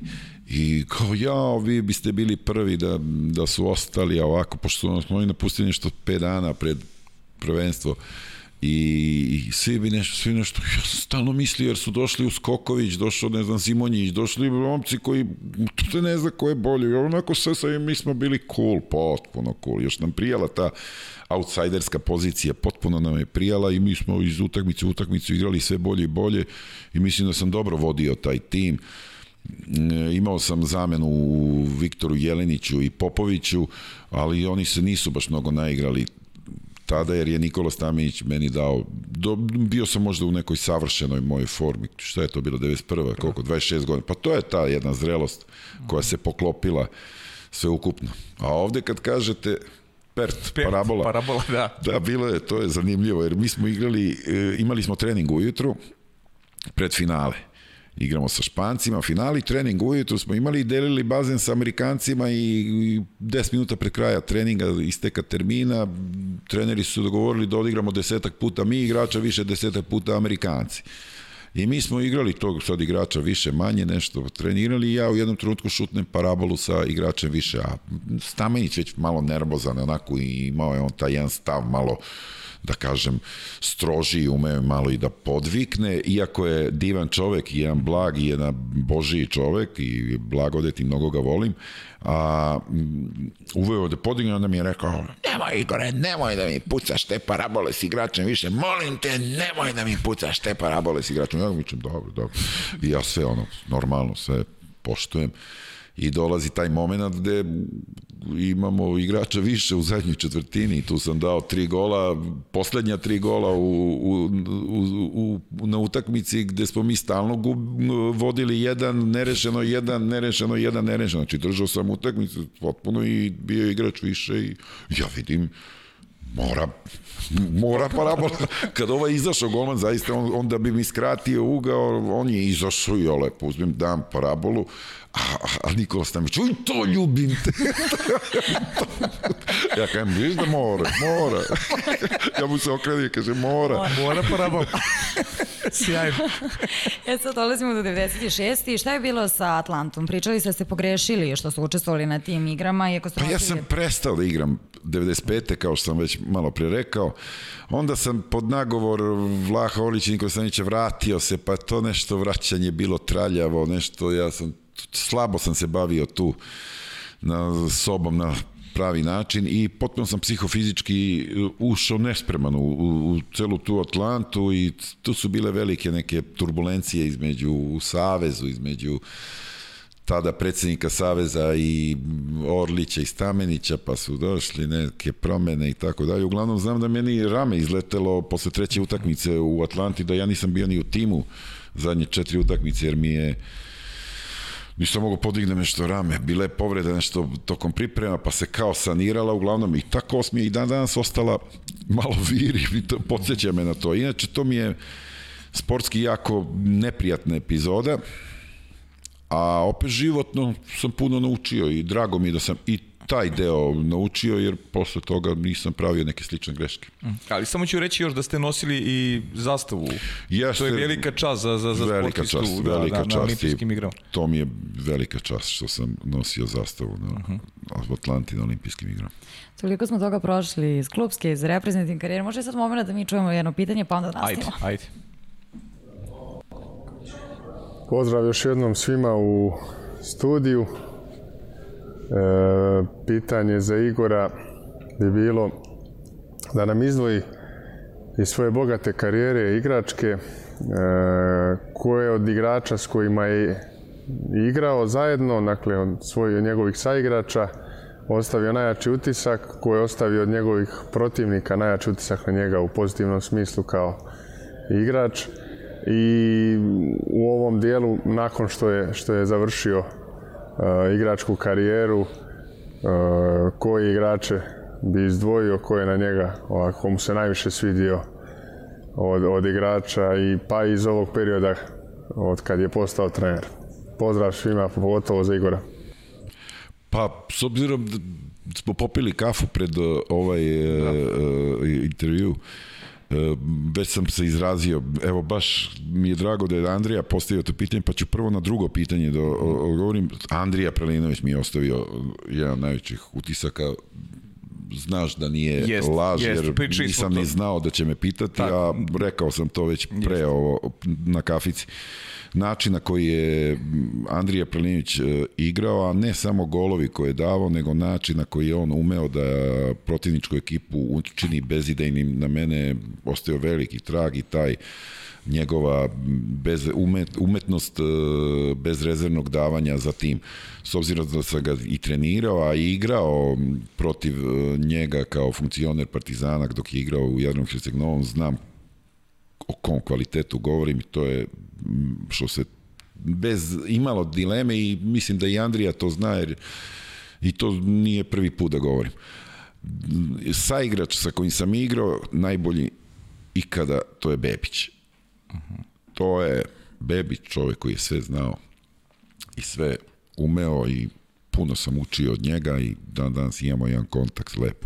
A opet sa igrač, uh, igrač protiv koga sam igrao i jedan, da kažem, moj onako uzor, to je Tamaš Farako. Tamaš Farago, imao sam tu privilegiju, čast i zadovoljstvo da ga i ugostim u mome domu sa suprugom divnom pre dve, tri godine kad je bilo ovde svetsko prvenstvo za žene, pa je on, njegove čerke su igrale, a i meni prijateljice, kumovi iz Grčke, pa sam imao tu privilegiju i onda smo se taj, taj taj čovek je sve znao i taj, njima mogu samo da skinem kapu i uvek bi rekao da su bili i bolji i najveći i zaista način na koji je Farago igrao mene impresionirao, voleo sam da ga gledam i nisam mogao da dočekam trening sutradan da probam to što je on uradio, da probam da izvedem i nisam dopuštao da ima nešto što on može, a da ja ne mogu. A susret koji je bio u mojoj kući, gde način na koji smo se poštovali, gledali, pričali, teško je opisiv rečima. Uh -huh. Energija koja je strujala, to je i moje i njegovoj supruzi bilo fascinantno kak, način, kaže, da i ona kaže, i, i onda smo videli koliko imamo zajedničkih crta, kaže, njegova žena, znate, on ume da bude i neprijatan kad mu se nekom društvu nešto ne dopada i ne sviđa mu se društvo. A moja žena kao, joj, ne znate kakav je ovaj mamčar kad mu se nešto ne dopada i tako. Onda smo, eto, i razmenili neke pitanja, pa me onako izveo me na terasu, pa me pitao, kaže, imaš li nešto da me pitaš? Ja kaže, mi imam, jer veruješ u Boga, pitao sam ga. Eto, tako, taki su uh -huh. konverzacije bila tog tipa, ali ta energija koja je bila između nas i poštovanje i ljubav, I eto, on i ja se čujemo, eto, jednom u dva, tri meseca se i sad čujemo, a žene nam se čuju češće. Igor, da li je tačno da nikad niste gledali svoje utakmice? Ne, tačno je, tačno je. Uh -huh. Nikad nisam još pogledao svoje utakmice, sve utakmice još stoje kod majke, svi trofeji stoje kod majke, zlatne olimpijske stoje u sefu, a trofeji kod uh -huh. majke. To ste mogli da vidite neku utakmici koja se skoro i reprizirala na prvoj a nemam živaca još da gledam sebe na ekranu. Vjerojatno će doći i to. Zato mi to radimo. Mi te, da, sa zadovoljstvom. A da li tačno ste bili najtužniji kada niste bili pozvani u kadetsku reprezentaciju? O, da. Da, to je bila velika tuga. Bilo je kadetsko prvenstvo u Kotoru i sećam se da sam izdominirao tim kadetskim prvenstvom možda prvi put kada iz jednog poluprosečnog igrača Partizana počinje da dominira. Mi sećam se te, tog momenta pred prvu utakmicu e, našu prvu utakmicu gde smo na tribinama gledali Kotor kako igra i bio je jedan igrač Abramović koji je dao nešto 8-9 golova na toj utakmici. Ja gledam to kako jednostavnost kojim je on dao golove i onda onako malo gledam, pa čekaj, Igor je možda, to ne bi mogao i ja tako i već sledeću utakmicu ja dam, ne znam, 4-5. Do tada kad dođem s turnira s jednim golom na svim utakmicama, moja mama pravi tortu, a, a, a tada sam počeo da dominiram.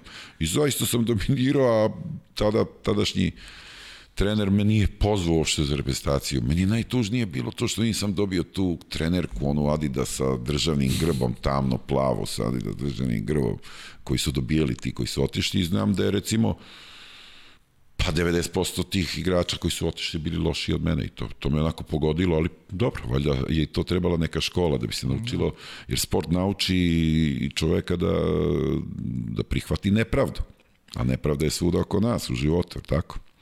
Logično. E, kada, ste, pred, kada ste se opredelili Igule za trenerski posao i, i koliko je verujem da jeste u presudnom utice bio Vlaha Orlića sa kojim ste zaista vi imali izvanredan odnos i e, čitao sam negde da ste rekli da je, da, da je vama bila i dostupna i ta neka dokumentacija koju je Vlaho, koju je Vlaho imao i koji je vredno skupljao. I koju mi dan danas e, divna Ljilja omogućava da mhm. gledam jer sam u kontaktu sa suprugom e, Vlaha Orlićem, divnom Ljiljom Orlić. I pozdravljam je ovom prilikom.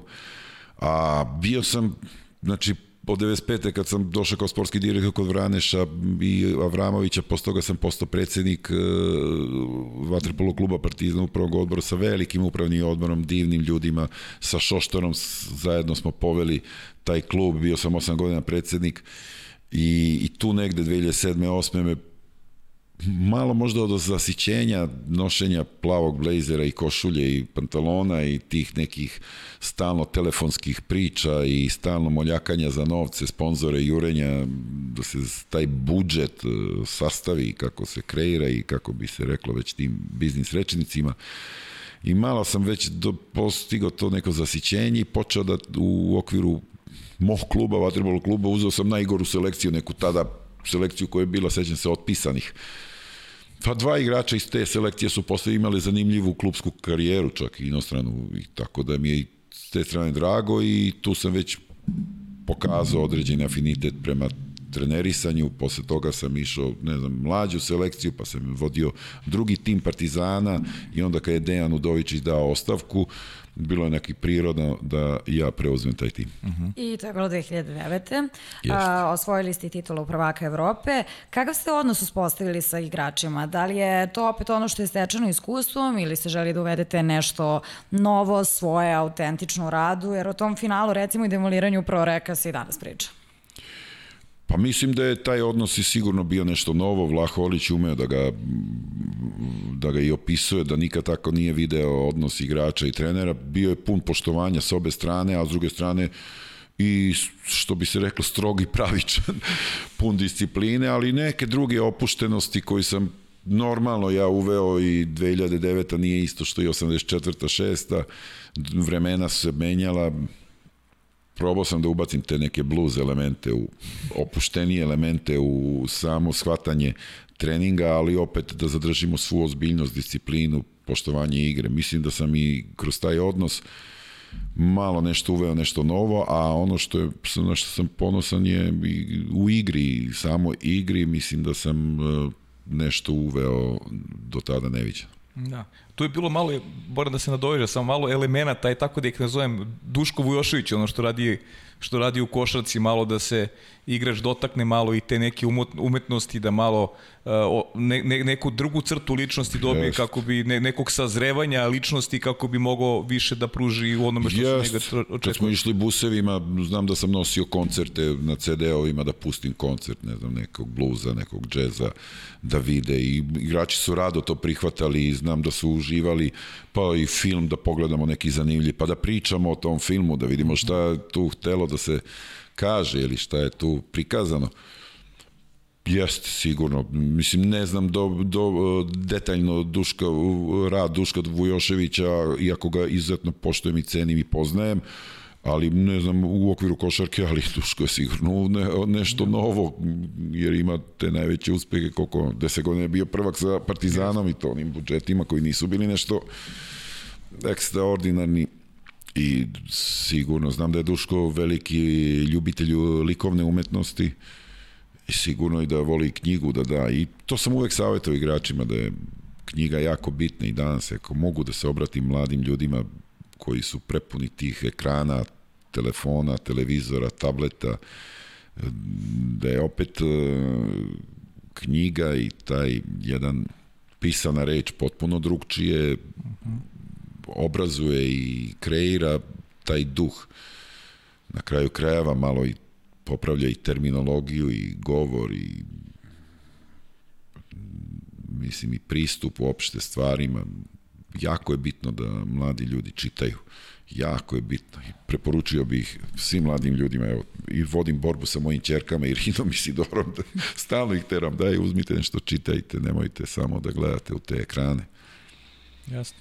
E, da li je to finale, kada je Partizan demolirao, bukvalno, mora tako kažem, pro reko što niko nije očekivao u tom trenutku, bez obzira što Partizanova generacija jeste bila talentovana, ali pro reko, e, mnogi kažu najmoćniji sastav pro reka ikada u tom finalu protiv Partizana. Da li je to i koliko uticalo na taj isti pro reku da dovede Igora Milanovića kasnije za trenera? Pa dobro, negde možda i jeste, ali mene e, Vlada Vojsinović je ostavio veliki trag u Proreku, igrajući ne znam koliko godina tamo igrao, 7-8 godina za Proreko i Vlada kao veliki čoveka i možda jedan od najvećih igrača svih vremena je imao veliki, veliki autoritet u odnosu na predsednika kluba i on me preporučio. On je, ovaj, već imali dva, tri kiksa, proreko sa velikim, velikim ulaganjima i onda je ovaj predsjednik tražio daj Vlado reci mi trenera koji može da me odvede u, u, na evropski tron. I Vlada je rekao imaš jedinog Igora i stajao iza mene i ja sam mu valjda odgovorio na pravi način. E, ja ću se taman izvini nadovezati Ajde. baš pitanje naše, pa opet da kažem koleginice, Vukol, da. Aleksandri Milošević. A, Vlada Vojsinović je rekao da je to klub van naših okvira i da se može porediti sa manjim futbalskim klubom. Kako vi vidite taj klub i možete li nam približiti način njegovog funkcionisanja? Da, potpuno bi se složio, to je klub van svih vaterpolo standarda u svetu. E, prvo po organizaciji, pa onda i primanjima koja su sve vreme potpuno tačna. Tu niko ne razmišlja da li će ili neće plata da legne ili neće da legne na račun.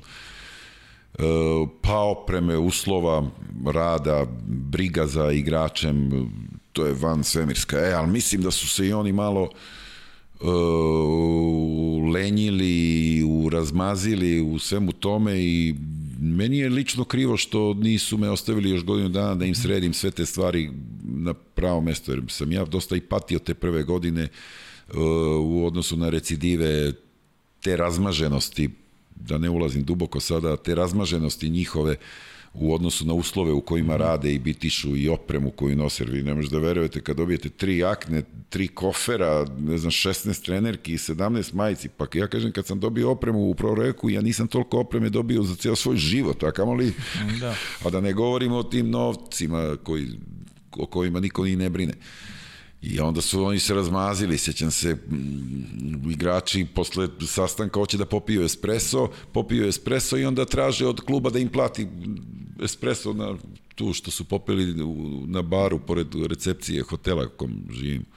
To mi je bilo degutantno, čak sam ih terao, da platite sami, da nam imate 1 euro, valjda možete 90 centi da izvojite za jedan espresso. Dosta su se razmazili i meni je to na neki način smetalo, I to se posle i dokazalo da, da je tu trebala jedna, pokazalo se jer su oni doveli posle Italijana, pa su doveli i Vladu, pa su doveli i Ratka Rudića i niko nije osvojio ligu šampiona. Ja sam upozoravao na te momente razmaženosti i mislim da sam baš u tim mojim upozorenjima pokvario neku njihovu viziju o tome kako bi to trebalo da bude i to se nije slagalo zajedno i tako da su me oni na jedan, da kažem, korektno finansijski način isplatili i drugu sezonu, ali oterali posle prve. Da, ja sam im smetao de facto uh, u tom mojim zahtevima i željama kako mi moramo da izgledamo ako želimo da osvajamo. I to sam bio svestan da ako druge godine, prvu godinu smo mogli na one mišići, tu je Filipović odigrao fantastično finale i polufinale, ne znam, Pjetlović i imali smo tu, da kažemo, malo i božije sreće, ali znao sam da druge godine neće moći i, i oni su, a oni nisu bili spremni da se odreknu nekog lagodnog i tog razmaženog prostora koji uljuljka, koji uljuljka e, svakog čoveka i sportistu. I tu je došlo do razlaza. Meni nije bilo krivo, da kažem, isplatili me, ali ostala je jedna gorčina. Ostala je kod mene gorčina, jer mislim da bi te, te druge sezone mogao da pokažem tu jednu silovitost i snagu tog tima koji je na papiru i po imenima zaista uvek najjači. Uh -huh. E onda idu Galatasaraj, Valjevo, Crvena zvezda. Šta bi izdvojili iz ovih trenerskih epizoda? Pa Galatasaraj je predivan, predivno iskustvo, veliki klub, ogroman klub, to je uz Ferenc, ovaj Fenerbahče, uh, najveći klub u Istanbulu i to je velika porodica, velika ja ih nekad zovem i sekta, kao, jer oni su veliki, Galata, to je, imate srednju školu iz 15. veka, univerzitet iz 18. Galata čovek, kada oni kažu ja sam Galata čovek, to ne znači da je on igrao za Galata Saraj, nego da je prošao tu školu, a da bi ti išao u te škole, ti mora budeš najbolji đak, mora budeš bogat da platiš i još i to ti nije dovoljno, moraš da imaš preporuku -huh. I to je iskustvo koje sam vidio tu. Živeo sam u predivno azijskom delu u Istambula, pored mora, parkove, i tu sam se dosta bavio sobom, jer oni nije, ali sportskim vaterpolo nivom nisam bio zadovoljan jer tu se trenira jedan put dnevno uveče, nemaju vremena, igrači uopšte nisu orijentisani, koncentrisani 100% na sport, ali s druge strane upoznao sam 3-4 prijatelja za ceo život i dan dan se posećujemo, viđamo i odlazim u Istanbul sa radošću. Tu sam imao dosta vremena da se bavim sobom i mogu da istaknem taj period u, u Turskoj uh, kao je neku renesansu, preporodu u mom životu, jer sam, baveći se sobom, upoznao neke potpuno druge tajne sporta,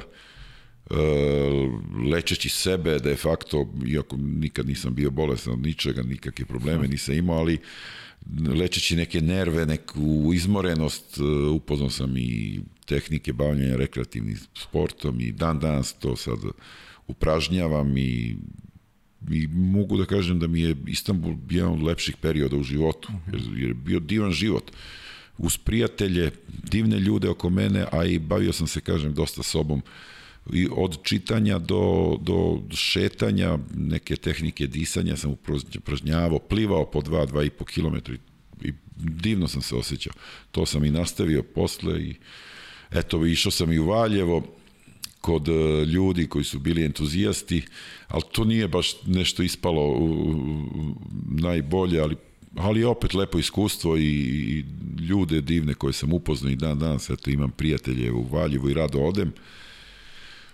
Zvezda prošle godine, žao mi je, ostaje mi žao e, za tom sezonom, ali realno i to je bila deo posle bio je prepušten improvizaciji uh -huh. i mislim da je ovde u Srbiji dosta prisutna improvizacija gde se ja najbolje i ne snalazim i mogu slobodno da kažem da nisam ni dao svoj maksimum, niti je tim dao svoj maksimum i mislim da je dobro da, da su me otkačili od zvezde, jer, jer jednostavno to je bilo evidentno da ne dajemo svoj maksimum, a, a opet moram da kažem, kad vidim, kad osetim kod igrača da nisu 100% posvećeni tome čemu radimo i cilju kome težimo, ja se jako teško snalazim. Onda dolazi mm -hmm. do nervoze, onda dolazi do, do loših momenta. To je velika razlika između onog partizana koji je, gde smo mogli opušteno da se bavimo svim onim što nam treba, a vezano za utakmicu do, do ovih momenta gde i u Valjevu i u Zvezdi sam ne znam, prisutni igrači koji nisu 100% predani. A ja sad tu u tim improvizacijama jako loše snalazim i mislim da jako bi teško mogao, možda bi mogao da radim s nekim mlađim kategorijama gde je opuštenija atmosfera, ali u stresu gde je imperativ pobeda, a mi da se ne damo, ja priznajem da se ne snalazim baš najbolje. Uh -huh. A, mene sad zanima, nadovezuje se pitanje, e, kakve su ambicije kada je pitanje tenerski posao? Ili vidite sebe negdje u inostranstvu ponovo, recimo u slučaju neke ponude ili, ili ponovo radu u Srbiji s obzirom na eto ta posljednja neka iskustva i tu improvizaciju koju, koju pomenjete kao... kao... Pa za rad u Srbiji ja otprilike mogu slobodno da kažem da ja ne vidim neke mhm. šanse za rad u Srbiji. A ukoliko bi došla neka ponuda koja bi mogla da zadovolji i moje finansijske, a i, a i sportske ambicije, uh -huh. Sigurno bi dobro razmislio i možda vrlo lako i prihvatio. Uh -huh. Ne vidim razloga zašto da ne. A u Srbiji teško mogu da, prvo ne, slabe i finansijska ta potpora što se tiče vaterpola, a s druge strane sad kažem upoznajem taj neki sport i bavim se sobom, nikad nisam imao prilike da se bavim po 5-6 sati sobom, da idem od kuće pešačim na Adi, prođem ceo krug, vratim se 15 km od pešačim, podem na moju banjicu, isplivam 2 km, odradim sa mojim divnim našima saune, pa odradim moje vežbe disanja, da se na taj način negde i, i smirujem i tihujem i pro, pronalazim te neke e, upoznajem nove tehnike u tehnike u bavljenja sportom koje više pripadaju toj rekreativnoj rekreativnom prostoru. Pratim ove Ruse Butejko profesor Butejka po dis, disanje po Butejku pa pratim e, Ivana Pavlovića Naumakova pa sve to na sebi sprovodim od e,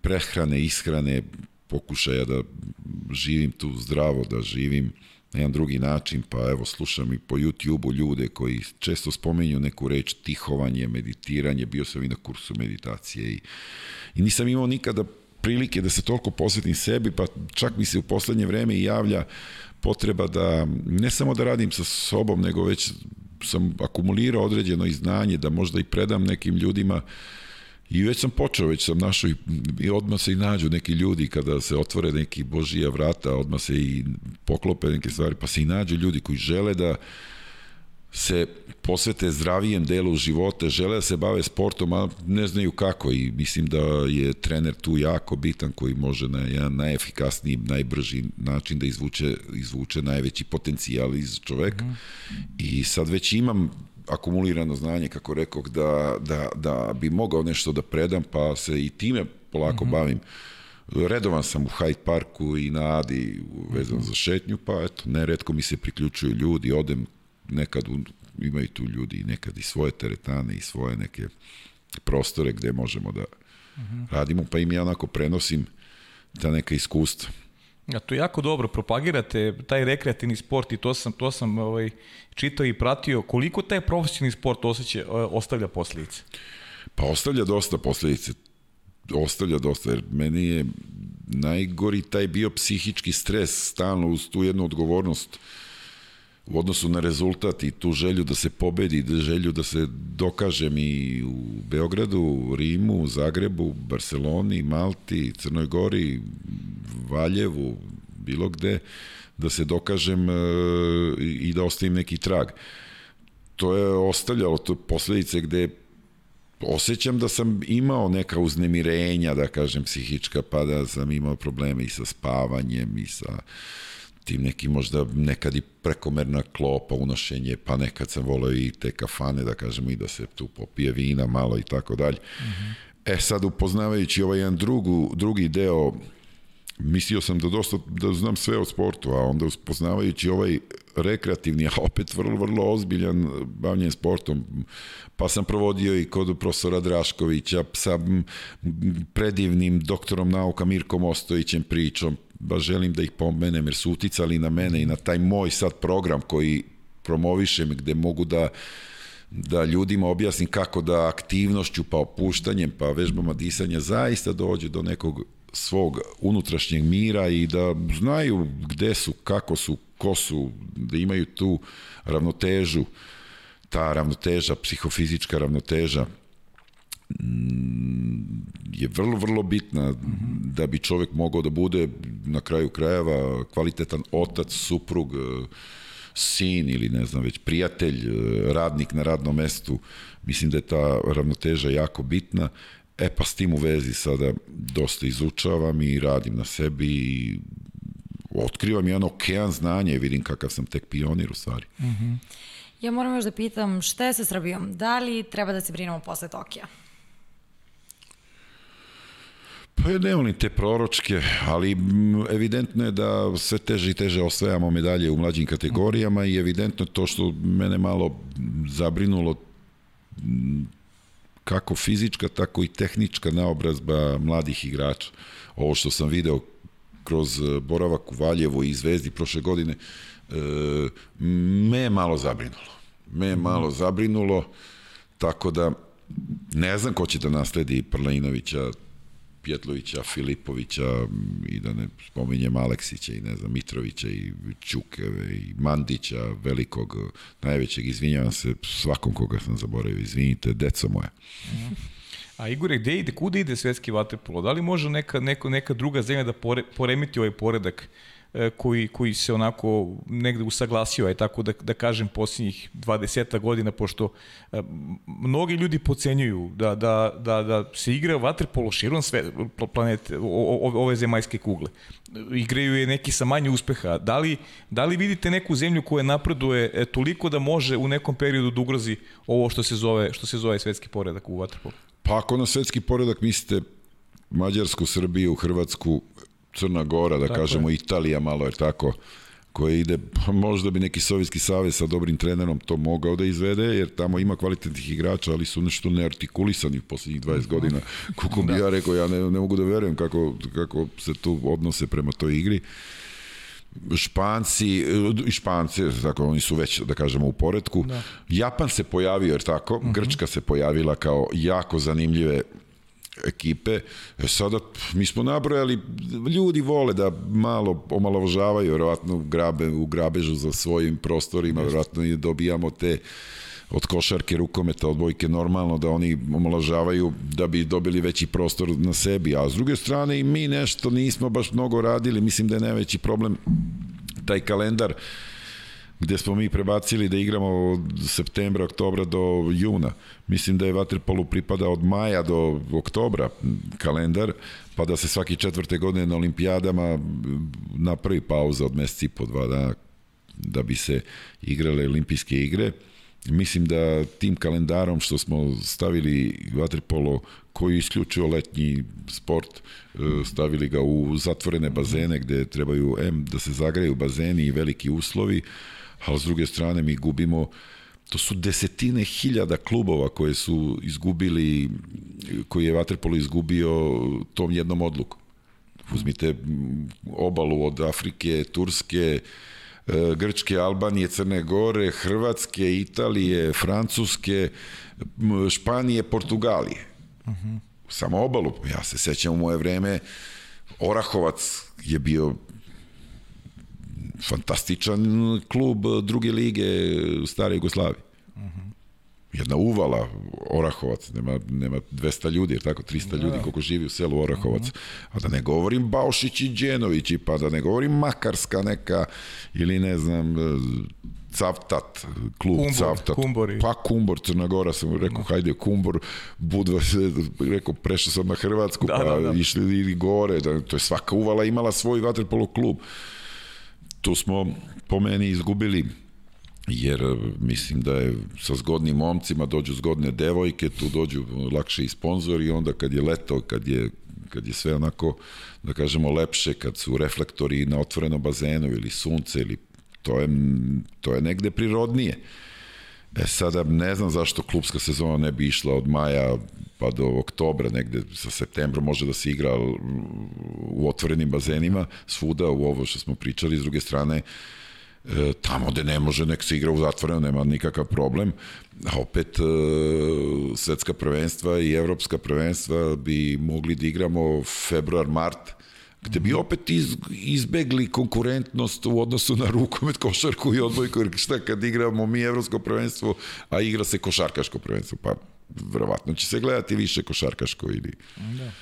Mislim da je tu neki A s druge strane i mislim da su ovi čelnici Vatrpola mnogo lutali s tim pravilima. Pa ova pravila koja su se menjala, danas ni ja nekad ne znam šta da kažem igraču, šta da radi, jer jednom se sudi faul, nekad kontrafaul, neka izbačaj. To su dosta su to, umesto da ubrzaju i oduzmu ingerencije sudi da može da utiče na rezultat, mi smo to radili suprotno, tako da A to odbojka je to recimo fantastično uradila. Ubrzala sa onim prednost i ono, sećate se ono prednost. Kako pa kad ne, je, da. Pa to je nebo zemlja sad sport. Sad je odbojka mm, izuzetno interesantna, dok recimo Waterpolo nije baš nešto televizičan, jer kad mene ovaj pita, pa čekaj kako ovo nije bio faul, pa kako ja da objasnim ovo kako nije faul, kad i meni se čini da je bio. Da, da. ne znam, a ne može da se... Tako da nešto tu nešto ima baš, ne, ne funkcioniše baš najbolje. Mm -hmm. Pa ili imaš još pitanja? Ne, ne, da ajde, na gledalac. na gledalac, ajde, da, na Ja moram da kažem, pošto si stvarno uzor svima, mi na našim Instagram profilima uh, uvek uh, tražimo od gledalaca pitanja za naše goste i za vas je stiglo milion. Evo da probamo nekako da odgovorimo barem na neka. A, ko je najbolji igrač s kojim ste igrali, a koji protiv koga ste igrali? Pa to smo rekli, to smo rekli Bebić da, i Tamaš Faraga. Bravo, to smo rekli. A, da li je najveće priznanje članstvo u kuću slavnih 2006. Pa to je sigurno veliko priznanje. Veliko priznanje. Najveće, meni su najveće priznanje ipak dve olimpijske zlatne medalje, nekako to su to je nešto što je mm, vrh sporta. E, Imam jedno pitanje, Igor Milanović je preteča modernog centra, snaga i brzina, kombinacija snage i brzine. Ko danas podsjeća na Igora Milanovića? Pa sigurno danas onako mogu da kažem Pjetlović je taj koji je izuzetno brz plivač, ume da šutne sa 5-6 metara, a igra fantastično centra. Sećam se i ono Hinića iz mhm, Hrvatske koji je zaista igrao na jedan dominantan način. Uh mhm. -huh. A, na kojoj utakmici vas je najviše iznervirao sudija? pa bilo je utakmica gde, gde su nas nešto krali. Ali ne, ne sećam se nešto baš mnogo. Rusi u Strasburu, sećam se, igrali smo nerešeno, Bebić daje, Bebić daje ne Bebić, e, Đuho daje go, a on mu svira dva metra. Tako nešto je bilo, čini mi se onako, ali nije bilo, sećam se, ja bio na klupi, sam bio i video sam da nije baš bilo tako. Tad sam se jako iznervirao jer bi s tim golom mi bili prvi. Jelena Stojanović, savjeti za decu i roditelje. Da li je interesovanje za pedagoški rad ispirisano vaterpolo vaspitanjem sa banice? Sigurno da i jeste lepo pitanje i sigurno negde da i jeste i, i, i, i malo pre sam spomenuo da bi možda rado i radio sa mlađima, uvek me inspirisao taj rad e, sa mlađima, E, pedagošku, višu pedagošku školu sam rado posećivao, iako u četvrtom razredu vrlo redko, ali imao sam osam radnih, razrednih ispita, ali sam rado posećivao i predmeti kao što su bili filozofija, pedagogija, psihologija deteta uz moju divnu Milijanu Sinđelić, sam e, rado učio i čitao te knjige, sećam se Nikola Rot i tako dalje. A sigurno taj jedan uh, vaspitni moment sa banjice uticao da i kod mene izazove da mm -hmm. posle e, sa ljubavlju gledam predavanje tog znanja mlađima. Mm -hmm. E sad, tačno da se nadovežemo na Jovanu, isto pitanje od nje, kako vidite današnji, a, a kako nekadašnji odnos dete, trener, roditelj?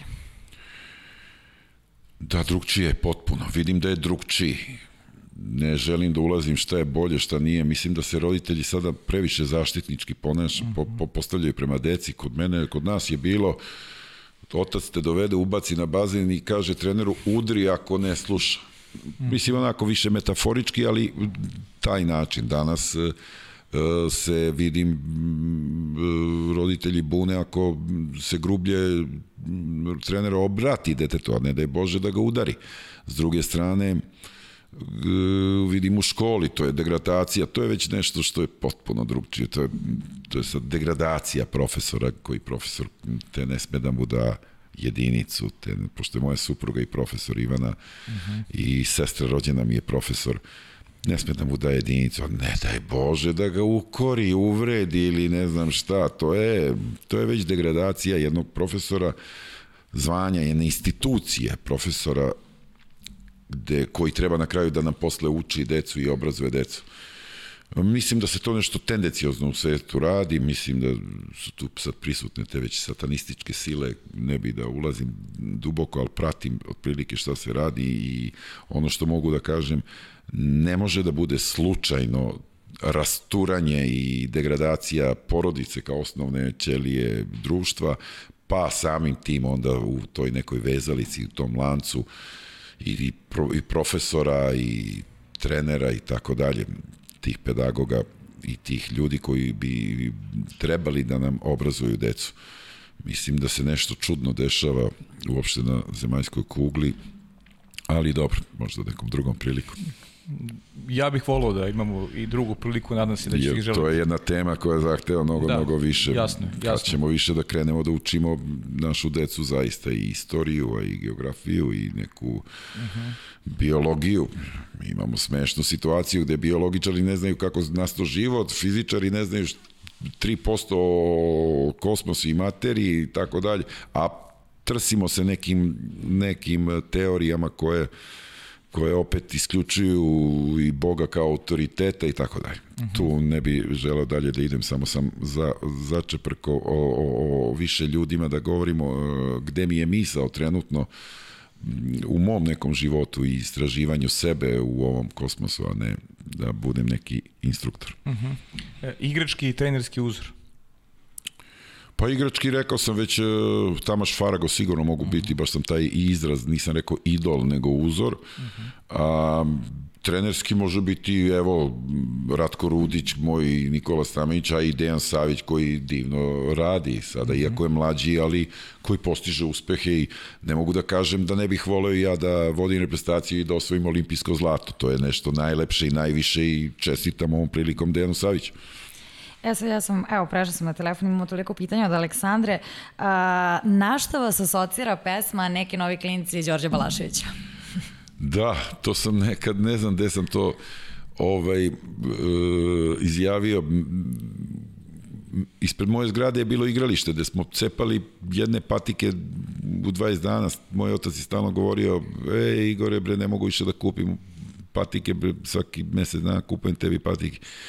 I danas kad vidim tu to igralište, pa nekad vidimo i sede, puše, nešto, ne znam, to su ti neki novi klinci. Mene ta pesma onako malo baca na tugu. Neki novi Mhm. klinci, pa igralište prazno. Eto, to mi je, to mi je, ta pesma mi je tu neki taj osjećaj i te slike izazivala u meni. Video sam te slike gde mi nismo na igralište mo- mogli da dođemo, da tu se čekao red da bi se igrala utakmica ili basket taj do 21. Pa onda smanjimo do 11, kad ima puno timova, smanjimo do 11 da bi igrali što više. Ovde je prazni, koševi divni, sve lepo nacrtano, sve i mrežice. Mi smo kupovali table, išli u Slovenija Sport, sećam se koji juče, pa skupljali pare, kupovali table, obruče sa mrežicu, pa kad dobijamo mrežicu, ja, pa igramo s mrežice dok se ona ne pocepa. Ovde sad i mrežice stoji, table, ali prazna igrališta. E, Miksa Popović, očigledno zvezdaš, da li bi mogao još malo da opiše iskustvo igranja u Zvezdi i osvajanje titule? Sad pričali smo o tome, ali eto možda neka specifičnost još koja... To je lepo bilo, recimo drugo, drugom delu je došao Vujesinović i mi smo tad bili dosta izjednačeni, Partizan je uzeo kup, nešto smo igrali vrlo tesno, ali je Partizan bio bolji i bili smo dosta izjednačeni. A onda je došao Vujesinović i, i, i negde smo sa Vujasom dobili tu jednu sigurnost i stamenost u odbrani i onda smo osvojili to prvenstvo, sećam se na Bajin sam dao 5-6 golova, na Tašu 7 golova i to je bilo baš onako jedno sam utakmice dve sam odigrao fantastično i pune tribine, 3000 ljudi je bilo na polju. Uh -huh. 3000 ljudi je bilo na polju, ispred Taša stajalo. Bilo divno. Mi smo imali, Oliver Mandić je organizovao i cheerleadersice, čak i tako.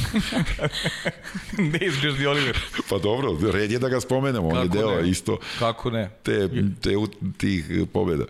Ja sam veliki poštovalac, njegove pesme obožavam. Uh, pa Ja. umetnik veliki. Veliki umetnik, jeste. A, da li vas je kao mladog teralo da čitate, želja da budete ravnopravni član društva ili želja da budete zanimljivi kada se odvorate devojkama?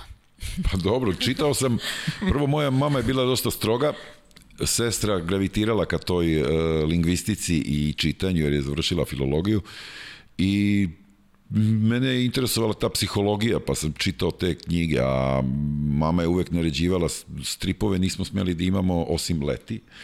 A morao sam je- jednu knjigu nedeljno da čitam van lek- lektire, tako da sam bio tako instruisan od porodice, a posle u srednjoj školi zaista mogu da kažem da sam čitao neke knjige i onako da bi mogli da se udvaramo devojkama, jer tad nije bilo Mercedesa i ne znam laptopova i ovih iPhone-ova i ne znam čega Rolexa da bi nekako pokazali status. Tad je bila ta društvena crta vrlo izražena i da bi se nekoj devojci postao zanimljiv, morao si da znaš i da pričaš i da nešto kažeš i da nešto iza toga budeš i duhovit i da budeš kao i opušten, pa opet, pa znam da sam čitao Kastanede, Ovaj Herman Hesse, čitao sam ga ko luda, ništa mi nije išlo. I Stepski Vuk i Sidarta i sećam se, Demijan, onaj. kako- Sad sam uzeo ponovo da to pročitam, pa vidim da je malo drugačije. Vidim da malo mi je drugačije, ali me nešto, čitam ja njega, on mene čita više. Ne? I tako, ali sam dosta, dosta sam čitao. Dosta Taman da se nadovežem, izvijem na to. Šta trenutno čitate i šta bi nam preporučili iz beletristike, a šta iz psihologije? Sad sam bio na ovim nekim stručnim knjigama dosta e, dosta na ovim tehnikama disanja, pa sam čitao ovaj jedan divan udžbenik Mirka Ostojića i njega sam slabo e, slabo onako razumeo 30% nešto, pa ću danas da odem da gledam i kako brani doktorate, da iskoristim neku privilegiju da se što više družim s njim, ne bi li me još malo uputio. I više sam u nekim stručnim, e, stručnim knjigama, ne znam šta sam zadnje pročitao ovako, pročitao sam to, ne znam pravo šta vam kažem, ja se vrlo često vraćam klasicima Dostojevskog, volim, ne znam, pa sam njega vrlo sada često knji, čitao, da ne bi sad lupetao i bilo je tu nekih naših ovih e, pisaca, Velikić sam, sam čitao, pa nešto što sam još čitao. Pa Ken Folletta sam čitao, na primjer, nešto skoro, eto, to vam pričam. Ali uz poslednje vreme se nešto sam se bacio na ovaj e, kažem i bavljenje sobom sa te neke duhovne stvara, strane pokušavam da tihujem, da nešto meditiram, da nešto molitvu ubacujem u taj program moj sportski, da vežbe disanja i, i, i mnogo više na nekim stručnim literaturama, a vezano za ovo o čemu pričamo, tim aerobnim radovima i tako dalje, tehnikama disanja. E, pre posljednje serije pitanja imamo još jedno iznenađenje. Johnny, pozdrav. Uh, imam jedno pitanje za tebe. Da li je lakše bilo biti igrač u onom sistemu ranije ili biti ovaj trener danas? Pozdrav. Johnny, hvala ti. Ante Vasović i ja smo se uvek zvali Johnny, Johnny, Johnny. Ovaj, duhovit, moj veliki prijatelj koji je jako duhovit i puno smo se smejali zajedno. A, a, i veliki igrač, moram kažem, izuzetan igrač e, i dobar čovek. A mnogo je lakše bit, bilo biti igrač, ne bez pogovora, nego trener. Trener razmišlja o hiljadu drugih stvari, a ja dok sam igrao bio sam totalno opušten, samo da mi ne daju go i da ih što više dam. Bilo je jednostavno. Jednostavno. Vrlo jednostavno. A kako je biti barmen? Pošto imamo pitanje kako, si se, kako ste se snalazili u poslu barmena kod Jele? Da, Pa- to je bilo zanimljivo. To je pokojni Miladin Jeličić i red da ga je pomenuo jedan dojen, dojen rock'n'rolla i jedan fotograf divan, moj prijatelja i komšija jedno vreme. I onda smo dosta vremena provodili u njegovom stanu kroz koji su prošli mnogi, mnogi, mnogi ljudi divni, kvalitetni i poznati i nepoznati gde sam puno ljudi divnih upoznao i tu smo se družili dosta i onda smo pošto smo dobili došli na ideju bili da, da napravimo, pošto se inako družimo kod njega, dolaze raznorazni, sad ono treba idemo, kupujemo piće, pa on kakvo vamo, namo, hajde da pravimo jednomesečno žurke, pa i te žurke prihod da ide njemu, da može živi, jer on nije radio, nije imao zaposlenje.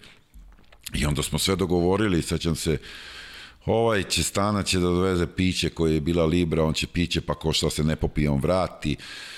Neša će pu, pušta muziku, DJ, ove devojke će pripreme stan, vamo, namo, a ko će da bude barmen i tu sad, ko će bude barmen?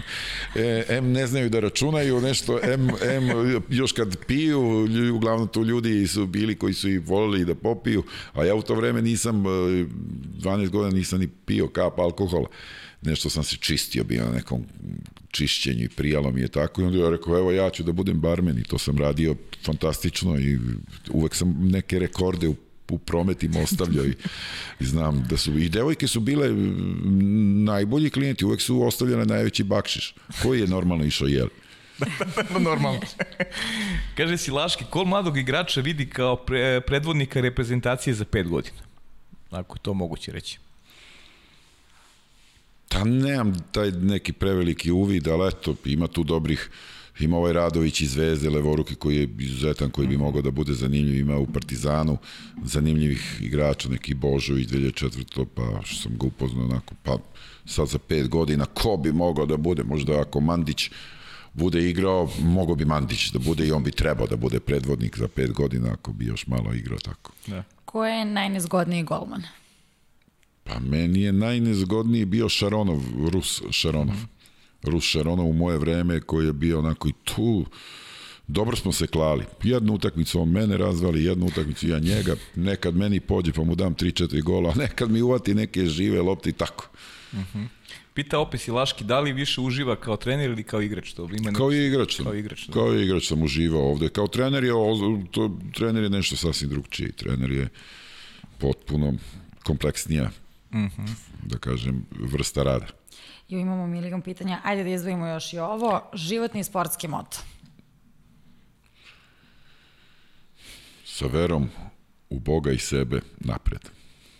Hoćeš porodicu? Za kraj, da, ja uvek ostavim jer porodica je najvažnija na svijetu. Jest. Vi sa ponosom ističete suprugu Ivanu, čerke Isidoru i Irinu. Evo da ih spomenemo. Svakako i pa to mi je najveće utočište i hvala porodici i mojoj supruzi predivnoj, predivnoj Božijoj Ivani koja me omogućuje da budemo i opušten koja mi omogućuje i da se bavim sobama. Evo sad sam je baš odbacio pre nego što će doći kod vas u studio u školu tekstilnu i mnogo učim od nje. Mnogo učim od nje. To je divno. To je- To je divno. Igore, e, znam da ne volite medije. Ili ste, ili ste uživali kod nas ovde? Mm, Jako lepo i divni ste i pogotovo moram da istaknem koliko ste profesionalni i divno je kad se pripremite tako pa da nemamo nekih onih praznih e, hodova koji umeju da budu i neprijatni nekad, ne, ne možda za gosta koliko nekad i za vas, jer gost može onda da vas malo i bocka, ali vi ste divno ovo izveli i divan studio, hvala vam i na ovom ako sam i ja mala, vama malo u, u, ulepšao neko vreme, vi ste meni sigurno. Igore, ne da je bilo, bilo čast. ne da je i čast i zadovoljstvo i prelepa priča i ja bih volao da, pošto mi planiramo da ovaj podcast traje zauvek, tako smo se neko dogovorili da nam budete... Obećavam. da, hvala vam puno. Obećavam. Hva- Hvala puno i želimo puno zdravlja i da budete, da vam se pozlati, u stvari sve što zamislite neka vam se ostvari. Hvala vam i ja želim e, da trajete zauvek. Hvala vam. Eto, kao što smo rekli, 20. epizoda, jubilej i najveća legenda. Jeste, jeste. I Uživanje i pričati s Igorom Milanovićem, ovo odslušajte obavezno, a mi možemo samo najavimo do sledeće emisije, već smo je snimili, Vladimir Gojković, s obzirom da je bio ovde. Za dalje ne obećavamo ništa, COVID-19 diktira nam uslove življenja, pa ćemo vidjeti šta će se dogoditi za, za dve nedelje, ko će sedeti na, na mestu gde sedi e, najveća legenda ovog sporta. I šta drugo, eto, ja da vam kažem, sem da uživate u intervju sa Igorom Milanovićem, sledeći je selektor Crne Gore, a pratite naše Instagram profile i čekajte sledećeg gosta.